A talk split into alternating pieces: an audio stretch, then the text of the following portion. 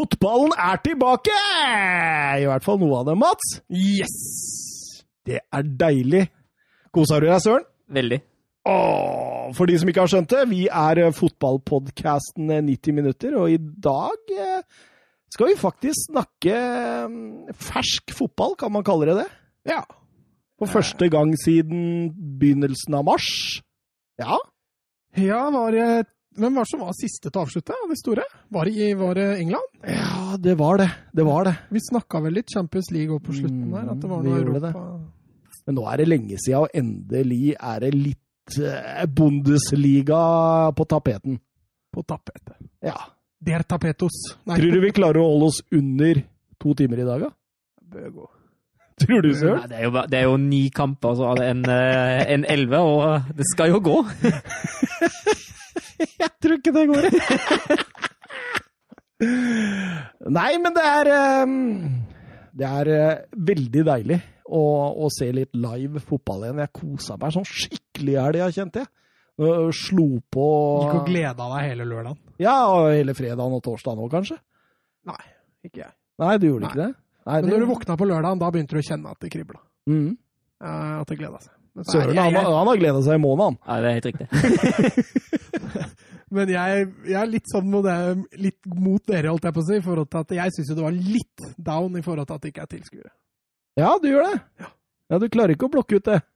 Altså, blokket ut. Altså, det var kjempegøy å se live fotball og, og se ordentlig fotball igjen, og ikke vite resultatet før du begynner å se kampen. Det har vært et savn. Eh, men du får den treningskampfølelsen, og du får Jeg fikk liksom en sånn følelse at det var liksom ikke tre poeng på spill. Da. Men det er følelsen som lurer deg, vet du.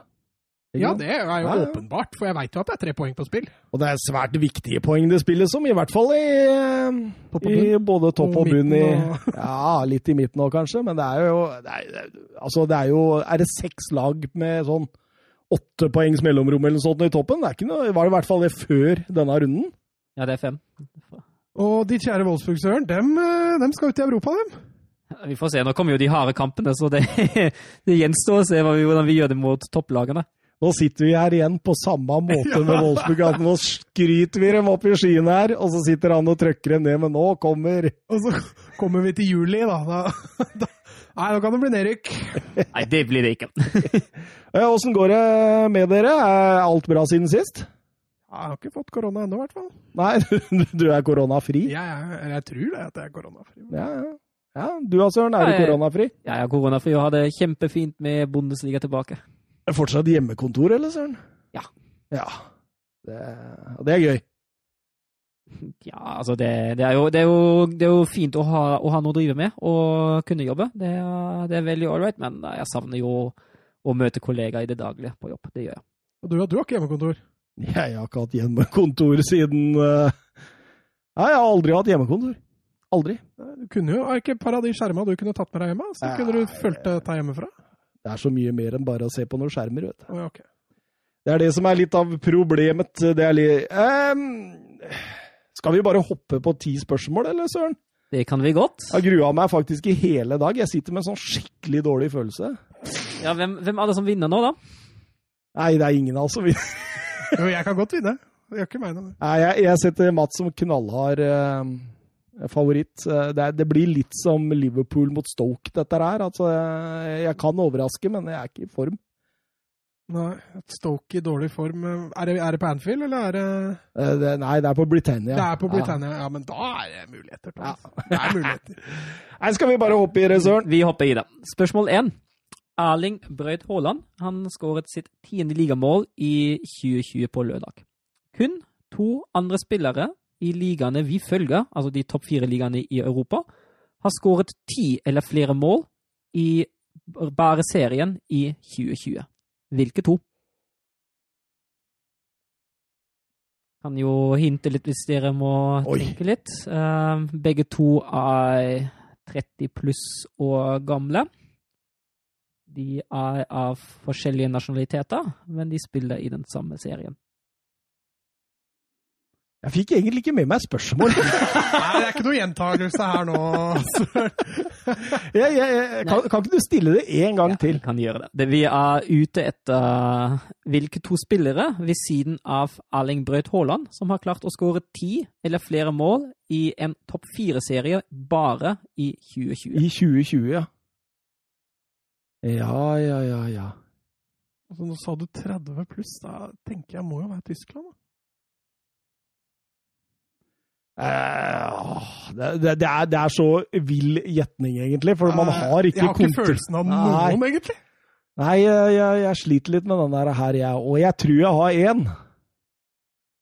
Men uh... Som sagt, forskjellige nasjonaliteter, men de spiller i den samme ligaen. Ja, ja, ja. ja, ja, ja. Over 30? Altså, så er det det å prøve å resonnere seg til hvem som er over 30, for det, liksom, det er sånn Oi, oi, oi, oi. oi. Jeg, jeg, jeg, jeg, tror ikke jeg er kjekk. Du kan få lov å prøve først. Nei, du kan prøve! ja, hvis, ingen, hvis, ingen, prøver, da går vi videre uten nei, Nei, vi må prøve. Ja, prøv, da. Nei, du kan prøve. jeg er interessert i hvem land du er i. Jeg ble litt usikker. Ti mål eller flere. Ja, eh, jeg prøver Nei, jeg gjør det ikke, faktisk. Jeg venter litt ennå. Men de, de spilte i samme liga? De spiller, de spiller, i samme liga, men de har forskjellige nasjonaliteter. Og begge spillere er minst 30 år gamle. Jeg ble skikkelig usikker. Jeg tror ikke det er i Spania. Nei, der er ingen. Nei, da tror jeg vi må Altså, du har jo Jeg har ikke lyst til å begynne å nevne navn heller. Nei, altså, nå får dere fem sekunder på dere, og hvis ingen svarer inn da, da går vi videre til neste spørsmål.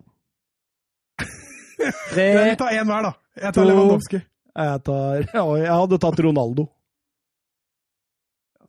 Så, nei, Ronaldo var riktig, men den andre var Chiro Immobile. Ja, det, var han jeg skulle, det var han jeg tenkte. Var han over 30 eller ikke? Ja, jeg skulle bare tatt sjansen. Men jeg var livredd for at du ah. Ja, Da blir det ingen poeng her. Vi går videre til neste spørsmål. Og Champions League det er jo på pause fortsatt dessverre. Men det er fire lag som allerede er klare for kvartfinalen. Hvilke fire? Mats? Ja. Fuck! Der var jeg kjapp. det er så lenge siden! ja. Det er helt håpløst. Nei da. Atletico Madrid er i hvert fall videre. Ja. Eh, og så gikk jo Vi fire lag er videre i kvartfinalen? Ja. De er videre til kvartfinalen. Ja, ja, for det er de som er klare for å gå videre, ja. De som, for det, det, er, det er fortsatt en del igjen av kvartfinalen. Ja, ja. ja Paris Saint-Germain er videre. Det stemmer. Leipzig er videre. Det stemmer. Å, herregud. Det siste der tror jeg aldri jeg kommer til å komme på.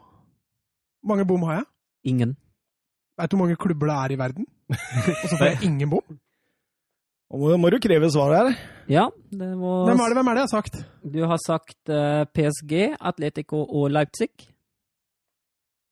For alle de engelske, de har vel røket Og nå bruker vi nå. Ja, jeg trenger svar nå, Mats. Så jævla Sitter du og gliser Jeg tipper Bayern München. Det er feil. Jeg veit ikke, men eh, det første som slo meg, var Atalanta. Ja, det er selvfølgelig riktig. Så da blir svaret Atalanta. Atalanta er ett svar, og de andre tre? Ja, det blir jo de, da. Atletico Madrid, eh, PSG og Leipzig. Det er helt korrekt, Thomas. Da er det ett poeng til deg. Det var, det var, det jeg satt og tenkte. Jeg håper ikke han sier Atalanta. For det var første, det, altså, Atalanta var det første som dukka opp i hodet mitt. Og så måtte jeg begynne, så tenkte jeg at Tottenham er ute. Leipzig, OK. Og så var det sånn Jeg husker jo Diego Costa når han hosta på alle de der eh, under den siste koronatida der. Han hadde så jæklig flaks mot Liverpool der. Jørgen Klopp sa vel at det var det beste de hadde prestert noen gang når de røyk der. Og da, da, hadde det vært den siste, og den hadde jeg huska i forhold til det med Haaland, og de feira med den. Så jeg, jeg, tror jeg hadde den inne, ja. ja. Da går vi videre til spørsmål tre. Det er jo ikke noe Premier League for tida heller, dessverre. Uh, men hva var den siste kampen i Premier League som ble spilt før det ble satt på pause? Hvilke to lag var involvert? Oi! Kan jo nevne at det var en mandagskamp. Ja, jeg husker det ene laget. Jeg husker ikke hvem du spilte mot. Du gjør det, ja? Ta, ta, ta, tipp det, altså. Har du kjangs? Husker du det, eller? Nei, faktisk ikke. Det, det, kan godt hende hvis jeg hører det ene laget. Ja. For jeg veit Jeg tror til og med jeg husker resultatet, men jeg husker ikke hvem de slo. Var det sånn at, var det sånn at resultatet ble 4-0? Ja, det, det hadde vært min neste hint, ja. Det var 4-0. Ja, nei, jeg husker det ene laget, så er jeg voldsomt usikker på det andre. Men da prøver jeg. Ja, Mats. Lester. Det stemmer. slo Aston Villa. Det er helt riktig, Mats. Den er, den er sterk. Den er Den er sterk. altså. Ja, ja. Det er, det, er, det er for lang tid for rullestolen min, altså. Ah. Veldig godt jobba. Da utligner du til 1-1. Nå går vi Får jeg videre. ikke poeng for å kunne resultatet? Nei, det gjør det ikke. Det var ikke spøtt. Det var et hint som vi hadde stilt med.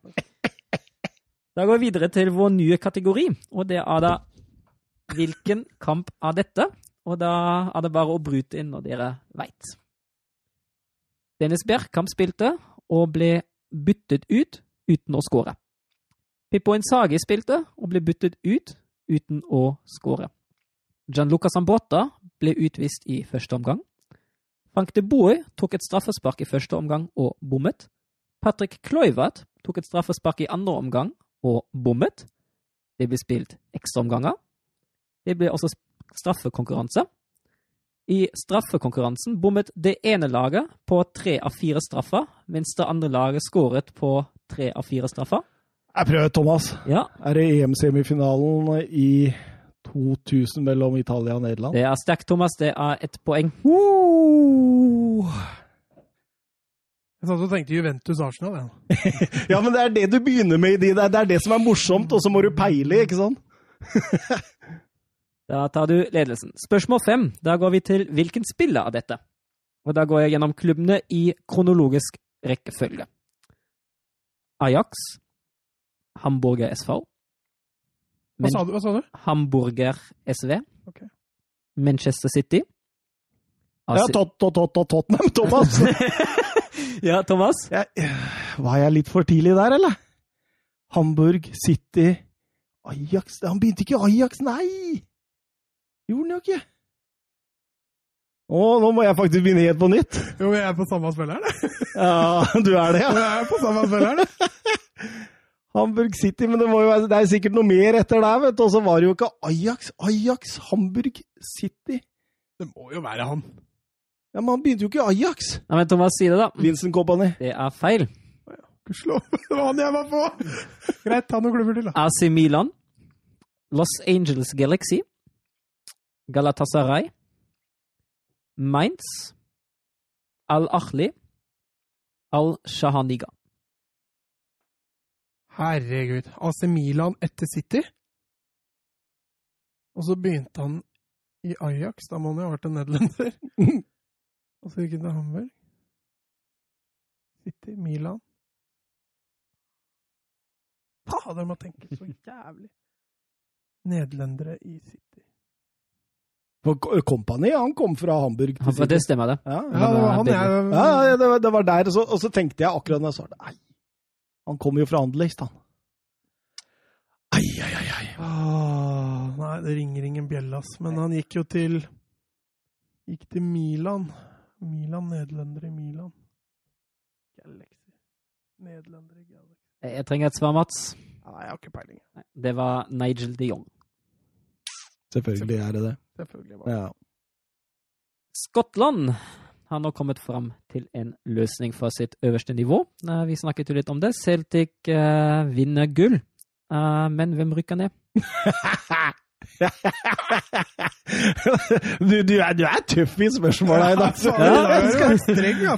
det skal du ha. Så jeg, altså, Skottland er ikke der jeg har eh, Jeg full jeg, kontroll. altså, jeg, jeg ville egentlig spørre hva, hva blir løsninga, men siden vi snakket om løsninga her tidligere, kan ikke så, du gjøre det så nå lenger. gjorde hun bare enda Jeg, vanskeligere. jeg måtte Ja. gjøre det vanskeligere. Fra superlett til ekstremt Ja. Googla du det mens vi satt og prata sånn før, Ja, ja, jeg, jeg hadde faktisk skrevet ned. Oi, Ja, oi, oi. Det er, hvor mange, det er to som rykker ned fra Eh, Det er bare ett lag som rykker ned. Falkirk, Thomas. Nei, det er feil. Paul Kirk Thomas. Jeg må- måtte Men, men, så det er ett lag som rykker ned. Det er ikke et lurespørsmål. Det er et lag som rykker ned. ja. Jeg tenkte på det at du skulle lure oss litt. Altså, var det ingen Nei, de, som de, gikk på, de gikk jo på gjennomsnittsberegning av poeng. Får jeg prøve igjen, eller siden dere gir mye hint nå? Fy fader, ass. Hvem var det du tippa igjen? Falkirk? Det var jævla klønete hvis jeg tippa det. Ta St. Mirren, du. Nei uh, Motherwell. Ja, jeg er også på en Men Dundee òg. Dundee. Dundee Jeg går for Dundee, jeg. Ja, det var Hearts of Midlothian. Yeah. yeah. det var det siste laget jeg kunne. Fortsatt Rangers. eh, 2-1 til Thomas her. Vi nærmer oss slutten. Du fortsetter med den der vanskelighetsgraden nå, vet du, Søren, så vinner jeg 2-1. Så det er bare å fortsette. Vi håper vi ikke gjør det. Uh, Da går vi til Spania, og jeg vil vite hvilken klubb spiller i det minste stadionet i La Liga. Mats, Ja, Eibar. det stemmer. Den du- vet du hvor stor sånn cirka? Ja, den er fem Nei, fem, syv? Fem eller sju? Seks. Åtte. Åtte. Åtte. Den hadde jeg hatt òg. 2-2, tre spørsmål igjen. Hvilken spiller debuterte forrige runde i, Bundes i Bundesliga i en alder av 17 år og 15 dager? Han ble, sin, han ble yngste spilleren i sin klubb noensinne, og den tredje yngste i Bundesliga-historien. Han debuterte jo nå i helga. Han debuterte, ja Spilte fra start, til og med. Ja, ja. Høyrekant. Yep. Jeg bare husker ikke hva han heter. Si hvilket lag han spiller på. Nei, det kan jeg ikke gjøre. Uh, han var i hvert fall Altså, Du kan, ikke, du kan ikke forklare åssen spilletype han er. Det blir ikke riktig svar, det. Jeg må ha navn. ja, men jeg, jeg så hele kampen. Etternavn holder. Og han eh, Vet du hva? Han eh, Det er bare to i Bundesliga-historien som har vært yngre. Ja. I hele historien, liksom. Og han ene der er jo Noe Sahin. Det stemmer. Den andre husker jeg ikke helt. Uh, åh. Hva het han igjen, da? Høyrekant, 17 år, kaptein på Tysklands U19, er det vel? Mhm. Det er jo Alt har jeg jo. Eh, og så Navnet er en sånn type sånn Heinz, Keinz, Sein, Heinz Et eller annet sånt. Skal, du, skal du prøve, eller skal vi ikke dele ut poeng her? Jeg, jeg har det jo egentlig, vet du. Ja, bare tipp, da. Søren har allerede stryket null poeng. Ja, han har det, ja. Jeg har ikke det. Åh. Jeg trenger et svar nå. Ja, men jeg har ikke ropt Thomas, så det er jo det er men, jeg, jeg har jo sagt det. Du er, du er blank? Du, du, har også, så blank, du har sagt blank, ja? Ja, nei, jeg har ikke sagt noe svar ennå. Nei, okay, men da er det jo fortsatt åpent her. Ja, Det er jo ingen av oss som er ja, men, svar, vi, ja, men vi har ikke jeg har ikke null poeng, da. Nei, men jeg har ikke noe press. Nei, nei, men en- må du si noe, ellers blir det null poeng. Det er det Søren sier. ja, vi må gå videre hvis ingen vil svare. Det hjelper ikke at jeg ikke har sagt noe. Ja, Men du kan stemme blankt. Ja, Men jeg sier jo ikke Mats, og så sier jeg blankt. er du helt nisse, eller? nei. Høyrekant, eh, Bayer Leverkosen, 17 år, U19-landskamp, eh, kaptein for Tyskland. Spilte en helt OK debutkamp Helt eh, grei, ja. denne gangen. eh, Og tok eh, Kai Havertz sin Bayer Leverkosen-rekord som yngste spiller gjennom tidene. Stemmer. Det er, jeg mangler bare navnet. Ja. Nei, du får si det, Søren. ja. Han heter Florian Wirtz. Wirtz. Du imponerte faktisk veldig, Thomas. Altså, det, var, det var godt jobba. Virkelig godt jobba. Men, Det er, det, er, det, er, liksom sånn når jeg drar en Italia-Nederland EM-semifinalen, og så Eibar. Og så er du oppe i 2-2, liksom. Og så, så sitter jeg liksom og Nei. nei. ah, det er Men du hadde jo klart Eibar, du òg. Jeg hadde jo det. Ja, ja. ikke klag. da. Det er to Jeg spørsmål igjen. klager ikke, jeg sier bare det at uh... Hva er dette her for noe? Mm? Hva er det her for noe? Det du driver med nå? Er det rettferdiggjøring av uh, Nei, at det, det, det er marginer. Ok. Det er det alltid. Uh, spørsmål ni. Hvilke to lag ligger på direkte nedrykk i Bundesliga? Mats? Ja. Paderborn? Ja. Åh, nå ble jeg plutselig jæskla usikker. Nei, Gass. Thomas. Eh, Han er ikke ferdig ennå, men du får sjansen etterpå. Men uh, du får ikke evig lang tid, Mats. Nei, det der her er noe han burde svare på fort, Jo, altså. jo! Åh, Verde Bremen. Det er helt riktig, Åh. Mats. Det var bra, for jeg så på studiosendinga etterpå, så da kom jeg bare Siste spørsmål. Mats leder 3-2. Um, og da er spørsmålet som følger. I Bundesliga er det sju klubber som aldri rykket ned fra øverste nivå. En av dem er nyopprykkede Union Berlin, men jeg vil ha fire av de seks andre. Ingen bommer.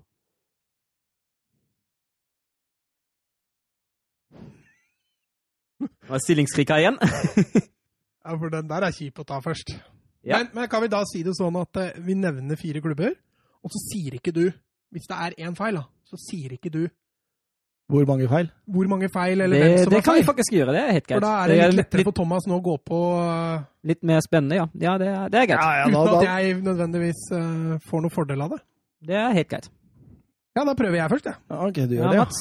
Eh, jeg prøver meg på Bayern München. Eh, Borussia Mönchengladbach. Uh, RB Leipzig. Og Jeg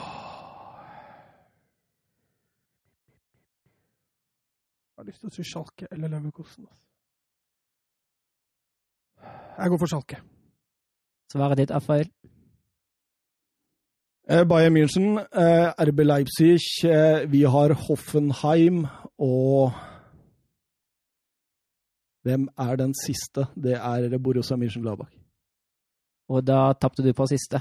Mönchenglattberg rykket ned i 1999 Oi, For første gang. oi, oi. De, sju, de seks klubber unntatt Union, det er Bayern München, Leverkusen, Wolfsburg, Hoffenheim, Augsburg og Det var Wolfsburg, Leipzig. selvfølgelig. ja. Wolfsburg, ja, selvfølgelig. Selvfølgelig. Det var dumt å ikke tippe det. Da vinner Mats 3-2 denne gangen. Sweet. Ja, Sweet. da spiller vi intro.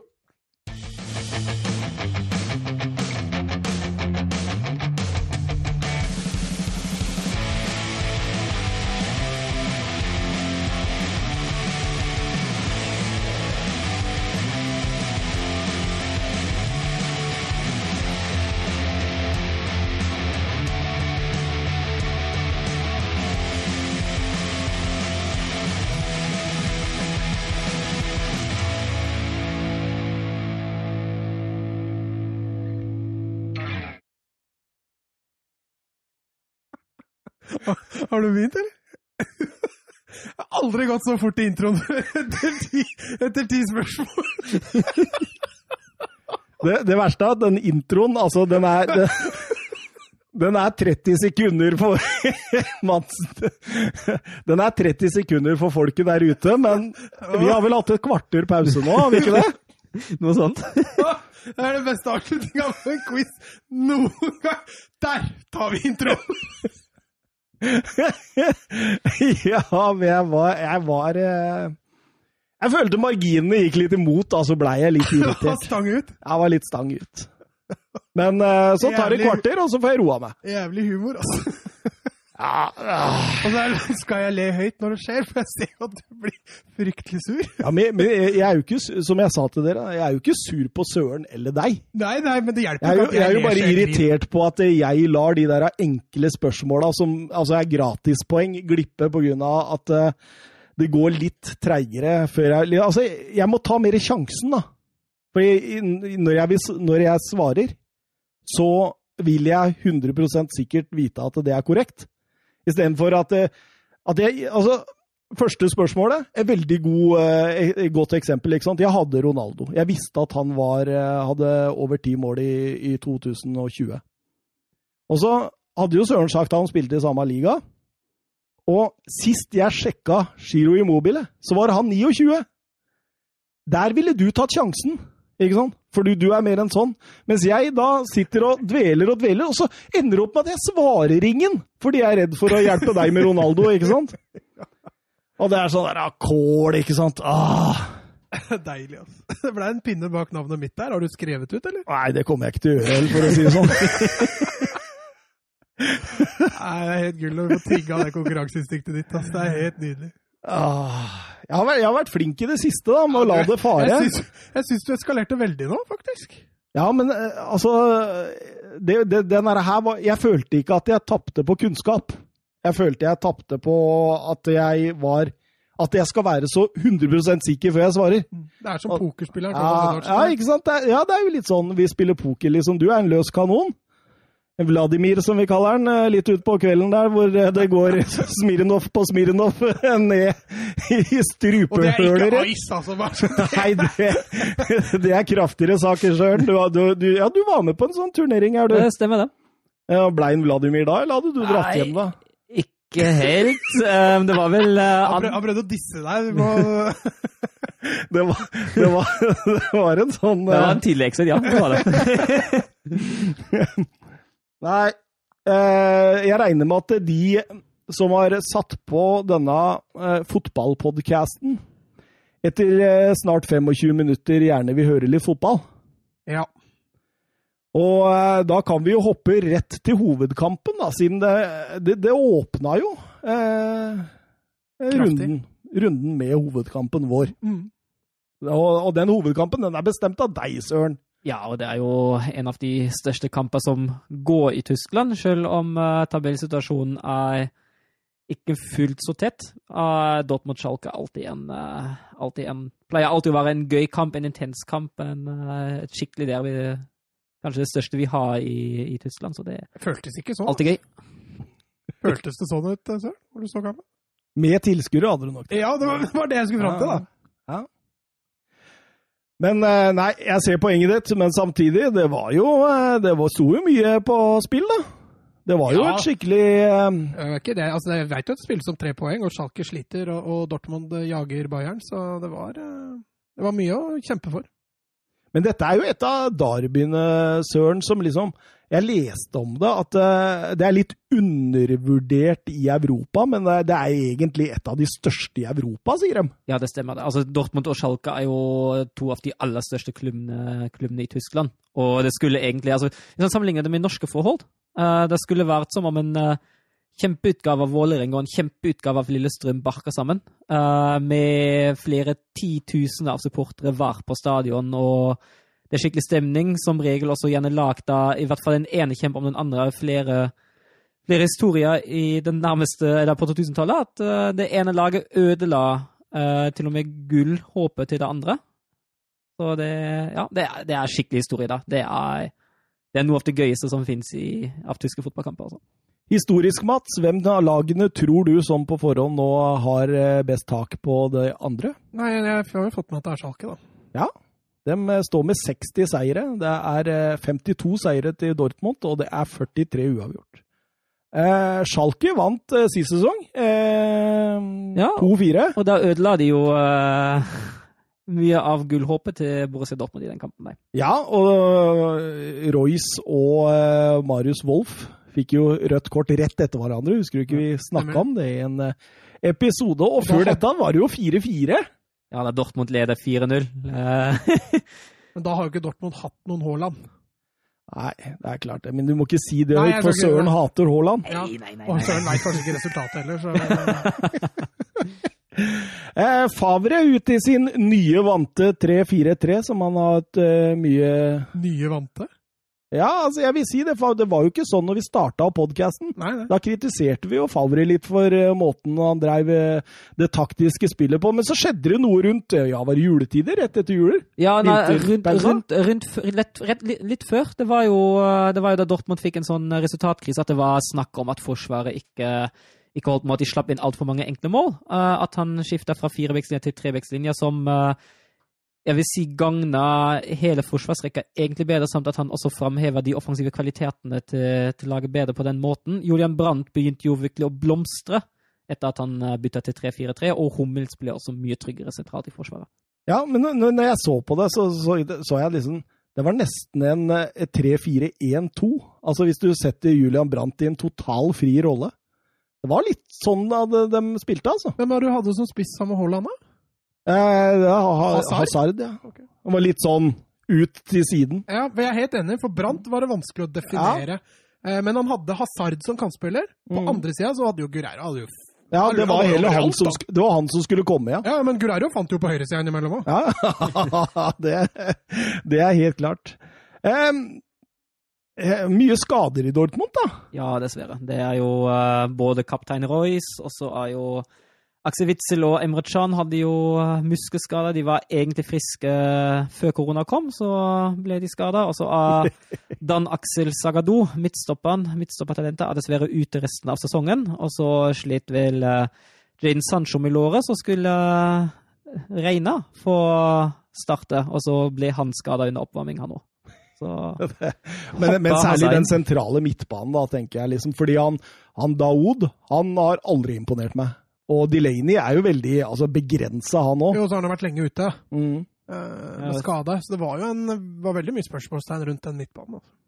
Det var det. Eh, Wagner ut i en eh, 3-4-2-1 med Raman på topp og Kalijuri og Amin Harit bak. Harit han er bra, altså. Ja, han har det. Eh, Han spilte ikke en voldsom kamp denne gangen, men han, han, er veldig ja, bra. Når du ser eh, spesielt i starten av første gang, når vi kommer dit, så er det han som er uromomentet for Dortmund. Og når vi snakker om, eh, om skader til Dortmund, kan vi jo si det omvendte til Schalke. Schalke ja, hadde kanskje litt flaks med den koronapausen, fordi både Salif Sané, Dani Caligiuri og Suat Seda blir da klare til denne kampen. Det er eh, noen som eh, er glade for koronapausen, og andre ikke. Eller tror du noen er det, egentlig? nei. Kanskje ikke? Det er jo noen som har vært heldige med skadesituasjonen, kan vi i hvert fall si. Ja, det er jo det. Det er jo det. Tottenham er jo en av dem hvis eh, den engelske sparkes i gang. Liverpool, og Hvis den ikke sparkes i gang, så er Liverpool maks uheldig. da. det er bare fint å bare få fletta inn den. Over til matchen så er det jo Schalke egentlig som går best ut. Presser eh, høyt og, og står høyt med laget sitt. Men uh, første sjansen går til Dortmund. Ja, etter, etter tre minutter der, at eh, Haaland kommer seg gjennom med både litt dyktighet og litt flaks, og så er Schubert våken og først på ballen. Han spiller jo egentlig vegg med han der amerikaneren. Ja, han gjør det, men uh, ja. Det var, jo, det var jo der jeg mener at det var jo, det var jo Ja, ja. litt flaks altså. Men uh, bra gjort likevel, og nesten. Men de fem første minuttene til Schalke var jo veldig positive. Ja. Ekstremt offensivt. du syns til og med ti. jeg. Hæ? Jeg syns til og med Ja, de ti først. Men hva skjedde? Nei, det plutselig så faller de i presset. Jeg veit ikke om den blei Ja, for fortalt det, det eller ikke. Det virker som det er Schalke som slipper seg ned, ikke Dortmund Nei. som spiller for for Dortmund var veldig overgangsorientert i starten Ja. der. og det, det kan godt hende det var det, at det kom en sånn snikende følelse av at nå blir vi kontra i stykker hvis vi fortsetter å stå så høyt, liksom. Og, og, og det var jo eh, den sjansen som Søren nevner her nå, det var jo et resultat av at du står høyt, og så klarer de å spille av presset, og da kommer jo Dortmund med disse hurtigtoga sine og, og skaper en sjanse. De så vel kanskje at eh, Altså, ikke, ikke at det var en plan, men at det sniker inn en følelse i alle spillere at eh, her må vi dekke litt mer ja, rom tror du, var, altså, tror du de gjorde om på planen? Etter ti Nei, jeg tror ikke det. Jeg tror det, Det skjedde av seg selv. Det skjedde av seg sjøl. Fordi de ti første minuttene var jo positive. Mm. Og da er det jo dumt å, å forandre planen. Ja, og så, og så synes jeg det, det jeg la merke til, litt sånn midtveis i, i første omgang, det egentlig Dortmund har kontroll, men det har ikke begynt å bli voldsomme sjanser enda. Innimellom, altså det er, det er en eller to Schalke-spillere som, som går opp i press, men så flytter laget ikke etter. Sånn, det, det blir det veldig halvveis, og da er Dortmund flinke til å spille av seg presset egentlig hele tida. Og det presset Schalke prøver på, det setter egentlig ikke Dortmund under noe særlig press i det hele tatt, for det blir halvveis gjennomført, syns jeg. Mm. Og så ser du, de er, de er så veldig flinke, i Dortmund, til å, og, og som du er inne på, spille av press. Og måten de gjør det på, det er veldig ofte å sidestille to spillere og ha én i støtte. Sånn at de eh, kan dytte den veldig kort ut for å få enten en bedre vinkel, og så er det enten i støtte eller rett i bakrom med en gang. Så de klarer på en måte altså, altså Forsvarsspillet til, altså, eller den offensive markeringa til uh, Schalke må være så tett for å klare det, at uh, da skaper du rom på andre sida. Og hvis den ballen er presis da, så er det jo store sjanser når du har kontringsspillere som du har i Dortmund-forsvaret. så- angrepet. Men jeg syns også Kjernås var inne på det uh, under kampen, at Dortmund er veldig tålmodig med vingbekka sine i, i oppspillsfasen. Og det gjør at det er vanskelig å bryte ned det Dortmund-laget. De får høyt- alltid alltid ballen foran seg. I høyt press, ja. Mm. Um, og det er klart at eh, selv om Akanji og Pitsjek ikke er verdens beste spillere med ball, uh, så kan de spille ballen forbi. For de har vingbekkene ligger såpass lavt i frispillinga. Uh, og det, det tjener Dortmund en god del på utover i matchen òg, for Schalke, det høye presset til Schalke blir jo fullstendig fraværende. Det gjør jo det. Eh, og Dortmund tar jo bare mer og mer over, og etter 23 minutter der så er det Haaland igjen som eh, kommer til en sjanse etter dødball. Sett han i, sett han i nettveggen. Han gjør det. Eh, Se, se på det. Eh, Altså, det eh, tidsrommet mellom demping og, og fyre av der, det er jo det, Han gjør nesten det i en bevegelse, liksom. Det er Men du ekstremt ser bra. også det at han har bestemt seg der, eh, før ballen kommer til omtrent, at eh, her skal jeg få avslutta. Og det er eh, klassespisser. Men samtidig, da. Altså, at han klarer å på en måte være klar over det. For Hummels er jo altså, Du skulle jo nesten tro at Hummels kom på den. Mm. Så den kom jo ekstremt fort, tenker jeg. Den, eh, eh, men eh, noen minutter etter der så får Schalke sin første sjanse. Eh, innlegg fra venstre der. Elendig klarering av Kanji. Til Kalejuri er det vel, som setter den rett på Burki. Ja, men det er jo Dortmund sin fortjeneste. Det er ikke noe Schalke nødvendigvis spiller seg fram til. Nei, det er jo ikke det. Det var, det var flatt batteri framover der. og Spørsmålet om tid, for det ble 1-0, og 1-0 ble det jo rett etterpå med han som Søren hater. Jeg hater han ikke. Han er i hvert fall ikke like god som Lewandowski, Søren. Nei, han må, han må etablere seg på det nivået først, da. Det må han. Han har Men skåret eh, flere mål enn Lewandowski i 2020.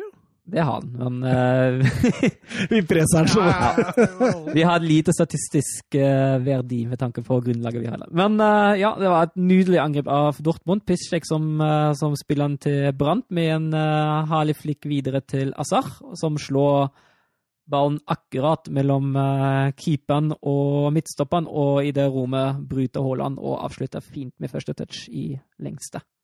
Den er liksom ikke ferdigskåra, selv Nei. om han er ferdigskåra, hvis Den- du skjønner hva jeg mener. Den er ikke, altså, det, det, er vanskelig å styre den i mål, syns jeg. Men, men er du enig, så du Fjørtoft i, i pausepraten? Ja, så vidt jeg var innom den, i hvert fall. Ja, du, Ja, fordi han sier jo det at nei, det er bare toppspisser som gjør det der. Eh, ballen treffer han på leggen. mm. Og Fjørtoft ville jo ha dit hen at eh, eh, Ikke at han nødvendigvis treffer han på leggen med vilje, men måten han setter fram foten på, da, som gjør at eh, du ikke bare behøver å treffe fotblad. Mm. Eh, for meg så er det jo selvfølgelig Jeg er jo gammel spiss, jeg kjenner meg litt igjen i den situasjonen og veit jo at får du en sånn sprettball, det er dritvanskelig å skyte. Men litt uenig med, med Fjørtoft. Jeg mener det er like mye tur altså, som det er dyktighet der, for det der mente jo Fjørtoft var 100 dyktighet. Ja. Det var, det, var, nest, var nesten så det var det han prøvde på. Når, når han kommer sånn, så må du jo egentlig bare sørge for å komme på dem. Ja, det er litt det jeg skal ja. fram til, da. Ja. Eh, og det er klart det at, at om den ballen da treffer deg to millimeter til på lenger ut på leggen, da, Så går den ut. så går den utafor. Mm. Der vil jeg ha det til at ja, han, han gjør det nok han, han er smart, det er jeg helt enig i, men det er nok litt mer tur enn det, enn det han skal ha det til. Ja, det er jeg for så vidt enig med deg i. Ja, Men så må det sies at uh, Schalkes forsvarsoppførsel på det målet der altså, De holder jo det tredoble av koronaavstanden til, til Brandt i starten. Han får jo stå helt alene. Det er jo altså! Piszczek eh, Piszczek blir jo pressa, spiller jo den pasningen og spiller av seg pressa. Så står Serda i rommet mellom Brandt og Hazard og Piszczek. eh, Og Chipka trukket ut til høyre, og idet pasning spilles, presser jo, eller støter Nastasic ut mot Brandt. Og så støter Azar i det rommet med en gang, og McKenny henger jo flere meter etter. Altså, det er ikke noe uh, forsvarsoppførsel der, fortjener jo ikke navnet engang. Men, men uh, løpet til Haaland, det er ikke så mye å gjøre med. Det er kjempebra. Det er kjempebra. Det er nydelig løp, men Vi er pro Haaland i den poden her. ja, ja, Men, men, jeg- men jeg digger flikken til Brandt. ja, den er, ja, den er herlig. For det Det er er, det, det, det, fotballforståelse ja, på ikke høyt sant, nivå. ikke sant. Og det er den som skaper dette. Jeg tenker jo det er, det er, to, det er to ting. Det er nydelig angrep, og så er det svakt forsvarsspill. Ja. Eh, godt, godt, Ja, godt oppsummert! Godt oppsummert, egentlig. 35 minutter, eh, Gueiro-sjanse. Um, Burki eh, langt inn mot Hakimi, som fosser nedover kanten der og parkerer uh, Todibo. Ja, det var faktisk litt overraskende, for Hakimi er ute av balanse og løper altså forbi Todibo. Todibo er ikke treig, altså. Nei, nei. Og får faktisk lagt den fint Ja, ja. 45 ut der òg. Der kommer eh, den portugisiske venstrebekken og eh, kliner til, men setter den eh, utenfor fra rundt eh, 15 meter. En stor sjanse. Men samme person skulle få sin revansje rett før pause.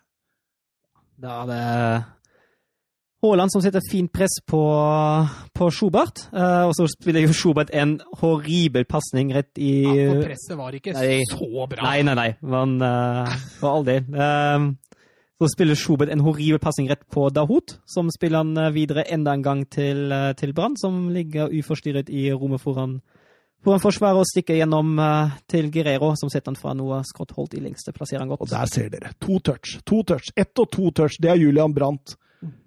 Du må lære deg gutta på Gjelleråsen dette, Mats. Eh, Det er, det er så viktig, og det er fotballen i dag, da. Er sånn. Det, det, er, det går på to touch hele veien. Ett og to touch.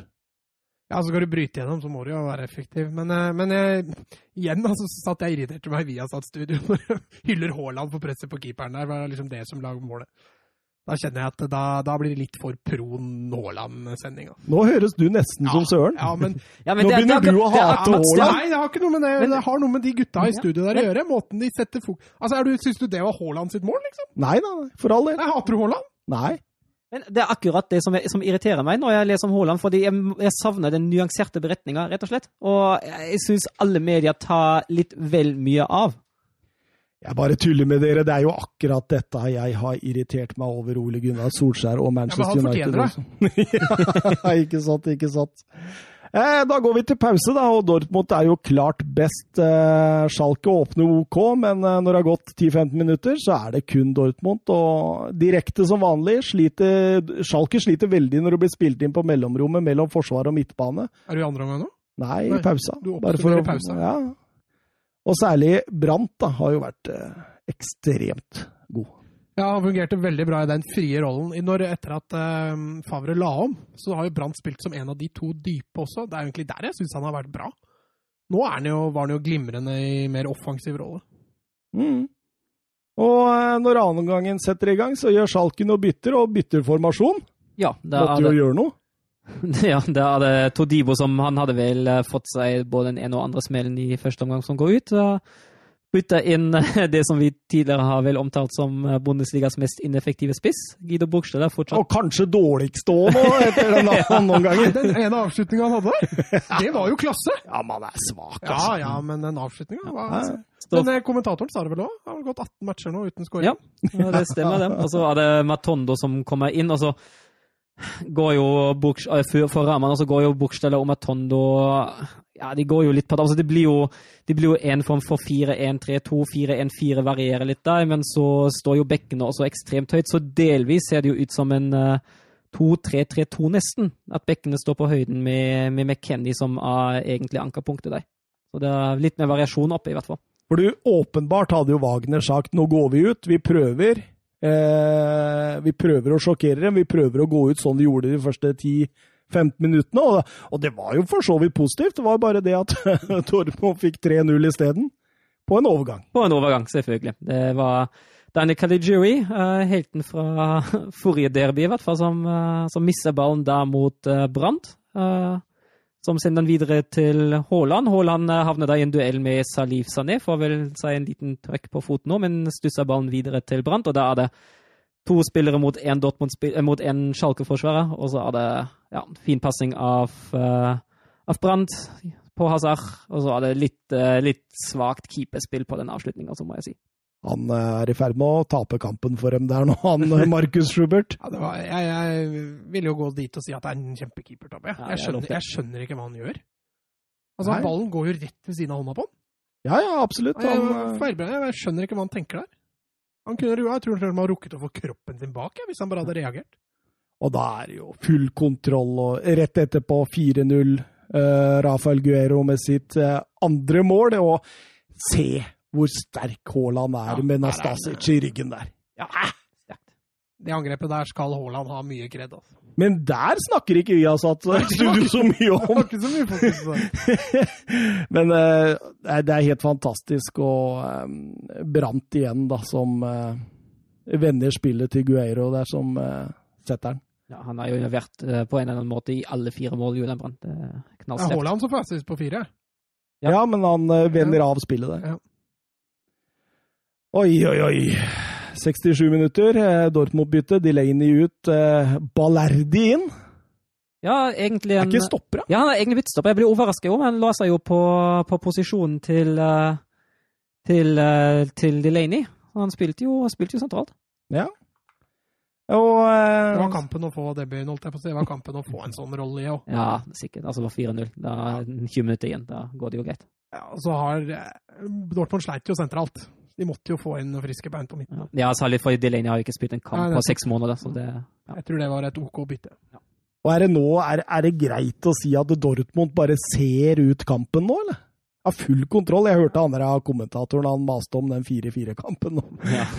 og hadde et visst håp, men den var jo ikke i nærheten. Nei, det passerte 70 minutter, så Schalke orka ikke, og de hadde, ikke, de hadde ikke inne, rett og slett. Har du egentlig noe mer å nevne om denne kampen, eller skal vi se? Nei, det er jo det, Man kan jo nevne at det er for første gang at, man, at det blir bytta inn fem spillere i en Bundesliga-kamp etter de nye reglene. Det er David Wagner som gjør. Det kan jo, det er en sånn liten statistisk notis, men utenom det er det. Ja, Dortmund bytter fire, Ja, Dortmund bytter fire. men eh, reglene er jo sånn at du har bare tre stopp i spillet. Du har tre stopp i spillet, og så kan du bruke pausen. Ja. Så du kan, eh, du kan teknisk sett bytte ved fire forskjellige tidspunkter. Pausen, og så, og så velger du tre stopp. Men du har bare fem innbyttere. Og så sitter jo ni på benken i Tyskland. Ja, men gjorde dere det nå? Ja, Det sitter alltid ni på benken. du sa noe om at det var færre nå. Mm. Nei, Dortmund tror jeg hadde bare åtte fordi Reina ble jo skada, så han fikk jo okay. ja, han fikk ikke spille. Men de ser ut kampen full kontroll, og det skjer nesten ikke noe mer, mye mer å nevne der. da. Det er 4-0, og det er første gang i Bundesligas historie hvor Dortmund holder nullen to ganger i den samme sesong mot Schalke. Det, det er ganske heftig. Det var 0-0 i første oppgjør.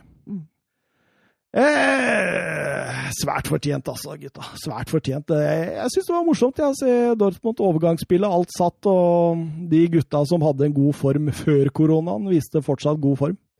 Nei, Dortmund var, var artig å se på. De, de har effektiv angrepsfotball hele veien. og og eh, 4-0 kunne fort også ha vært litt større, faktisk. Schalke hadde vel jeg tror vi kan, Hvis vi er snille, så gir vi Cagliari den eh, Gir vi ikke han den sjansen. Twitterspørsmål. Sander Midtstuen. eh, Blei plutselig eh, mye snakk om Erling Braut Haaland og måten han svarer på i media. For mye Zlatan wannabe, eller eh, bare show? Sa ikke jeg det i stad? Jo, det var, var, du nevnte et eller annet om det. Ja, nei, hva var det jeg sa? Altså, jeg sa jo det at uh, hvis du ser hele det intervjuet, så syns jeg ja, Haaland er flink fram til det siste spørsmålet.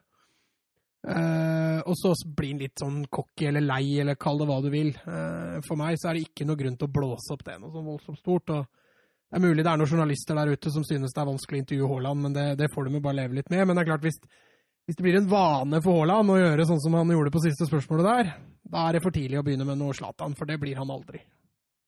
Er du enig, Søren? Ja, er, altså, jeg ser ikke så mye feil med det intervjuet, jeg heller. Men altså, jeg tror kanskje også han kunne han, altså, han er jo 19, han lærer jo fortsatt, så etter hvert vil jo kanskje omgang med mediene også bli litt mer smidigere. Men Tenk deg, han er allerede bedre enn Lewandowski, og så blir han bare bedre. Banens beste, gutta.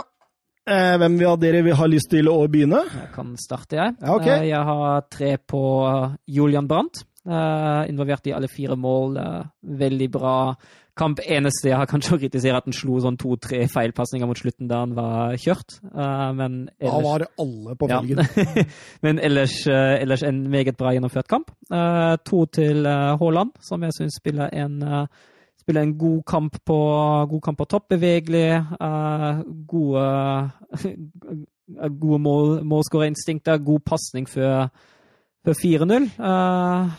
Sterk prestasjon. Og så syns jeg det var litt synd at man ikke kunne, bare kunne gi én ene. Fordi jeg syns egentlig både Guerreiro og Hazard hadde fortjent å få poeng her. Eh, Jeg endte opp med, med Guerreiro, som jeg syns var bitte litt sterkere enn Hazard. Men jeg kunne også sikkert ha gitt den til Hazard.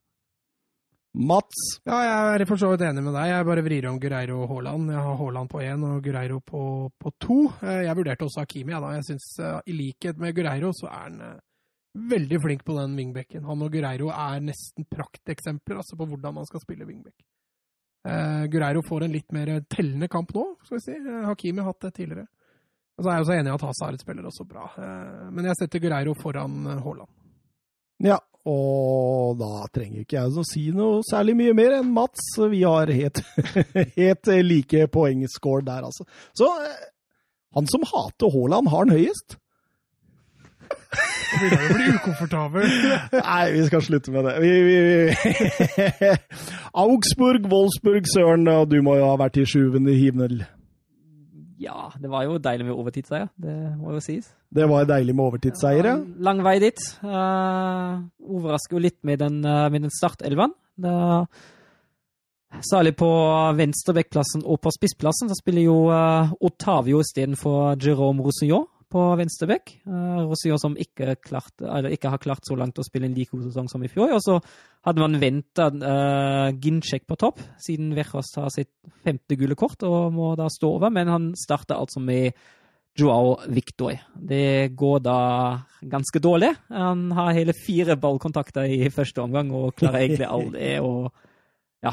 Og Han har ikke tatt steget, han, etter overgangen fra østerriksk fotball. han har ikke det, og jeg syns han får for mye spilletid. Um, men det kan vi jeg ser vi har fått spørsmål om det òg, så jeg kan ta det, ta, kan ta det etterpå. Men jeg syns egentlig Wolfsburg kontrollerer kampen greit, selv om Augsburg har første farlige situasjon. Uh, da Castells egentlig viser, i det skuddet der, at, uh, at det er ikke helt, ikke helt dagen hans, dessverre.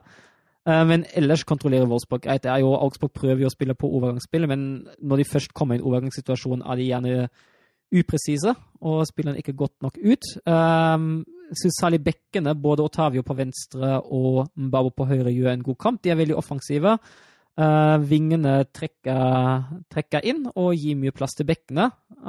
Så da er det god kontroll, men få sjanser fram til rett før pausen, da. Da det minste mann i troppen til Wolfsburg som header inn. Det er en fin heading. Det er altså. en nydelig heading, altså. Ah. Fin skåring. Ja, det er, altså, og, og, Ikke ferdigskåra det innlegget. Nei, altså, altså treffer han, treffer han headinga så bra fra sånn 13-14 meter. Det er godt jobba, altså. Ja, absolutt. Og fint innlegg av Fortavio også. Og da går jo Wolfsburg til pause med 0-1, eh, men så finner John Brooks ut at nei, vi, vi, vi hjelper Augsburg litt på vei, vi, og sender av gårde en knallhard heading fra er det fem-seks meter rett mot keeper. Rett mot keeper, og så sklir han jo gjennom fingrene på, Ja, han, han rekker jo ikke å Nei, nei, reagere nei. nesten engang. Ja. Eh, på Castells, og så var det, Målet ble faktisk kreditert uh, til Jetvei. Uh, jeg antar at mållinjeteknologi først reagerte da ballen ble heada inn av Jetvei, og at dommeren derfor sa at det var Pirker han over der. Så, men den, den der går på Brooks, og det er vel også Brooks som ser ganske så dårlig ut da Augsburg får målet annullert ved Odokai, da Niederlechner står i offside, men det er igjen Brooks som uh, sliter i markeringa. Den soleklart svakeste Wolfsburg-spilleren på banen, syns jeg. Han har kåla litt i år, han. Ja, han har det. Han, uh, Får for mye sjanser, han òg, eller? Ja. det syns jeg. Hele laget. Ja, altså. Mbabo har fått altfor mye sjanser. Nei, det, vi er Men apropos Mbabo.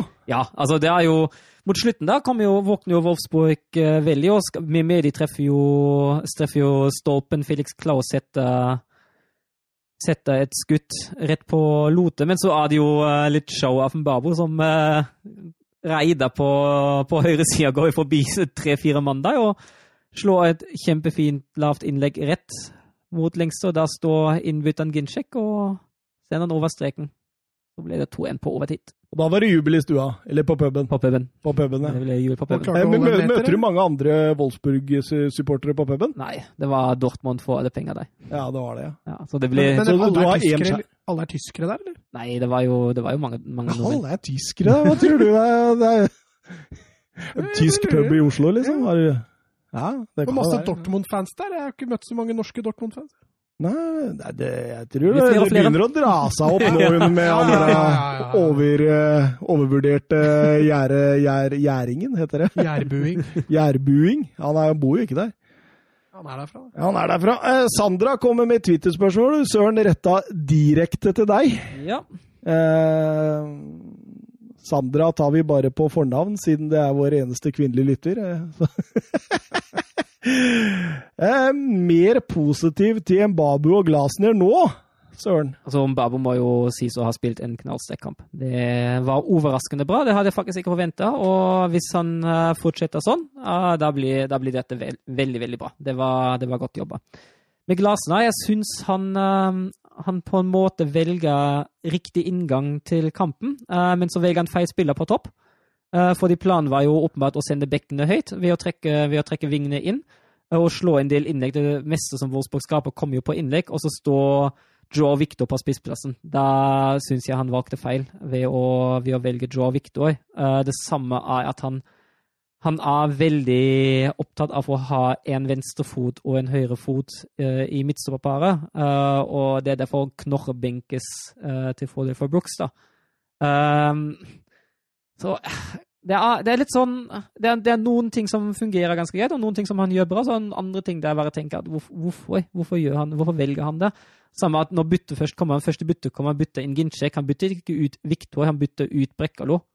Og Ja, Men Viktor virker nesten å være litt sånn eh, Det er liksom hans. ja, det er det som er problemet. Ja, Det, det er akkurat det som er problemet. Men, men hvis Wolfsburg blir nummer seks, Ja. da har Glasner gjort en Da, vanvittig da, jobb. da har han gjort en god jobb. Altså, jeg sier, altså det, er jo, det er jo en del positivt han gjør. Jeg sier ikke at han er, han er helt, er helt ubrukelig. Jeg syns han allerede har blitt flinkere sammenlignet med, med høsten, og det er egentlig et veldig godt tegn, for det betyr at han lærer å ta til seg ting. Og det er kjempefint. Han har han har jo også vært i stand til å, til å forandre systemet da han skjønte at uh, disponeringa før ikke fungerte. og har funnet noe som fungerer bedre til laget og til spillestilen som han ønsker. Så han er jo absolutt tilpasningsdyktig. og Han må bare fortsette å lære og utvikle seg. Det må han få lov til. Han kommer fra ikke en toppliga, men han kommer fra en liga med, som ikke er like stor. da. Fortuna Düsseldorf mot Paderborn. Et par ord må vi jo ha om eh, nedrykkskampen eh, med Ove Røsler. Ja, og jeg tror han var skuffet i den kampen. Ja. Det er ikke så rart når du treffer stolpen fire ganger i løpet av en match. ja. Ja. Fallon Berisha så frisk ut, da. Ja, han var Ja. bra. Han var bra, altså. På lån fra Lazio der. Eh, husker jo vi så han et par kamper i Serie A her eh, tidlig i sesongen. og han sleit voldsomt der, men eh, i Fortuna Düsseldorf, eh, der eh, er han ganske bra. Og han har vel vært under Ove også i, i Viking, har han ikke det? Tidligere? Å, jeg husker ikke om de kryssa bane, men øh, det kan sikkert stemme. Eh, spilte han noe særlig før koronaen? Han gjorde det. Fikk et par kamper før koronaen. Ja da, ja da, absolutt. Jeg, altså, jeg kan ikke si jeg husker at han spilte så bra da. Nei, han var god. eh, Jeg syns jo rett og slett at, eh, at eh, Fortuna Dusseldorf det er, det jo kamper de må vinne hvis de skal overleve her. Ja.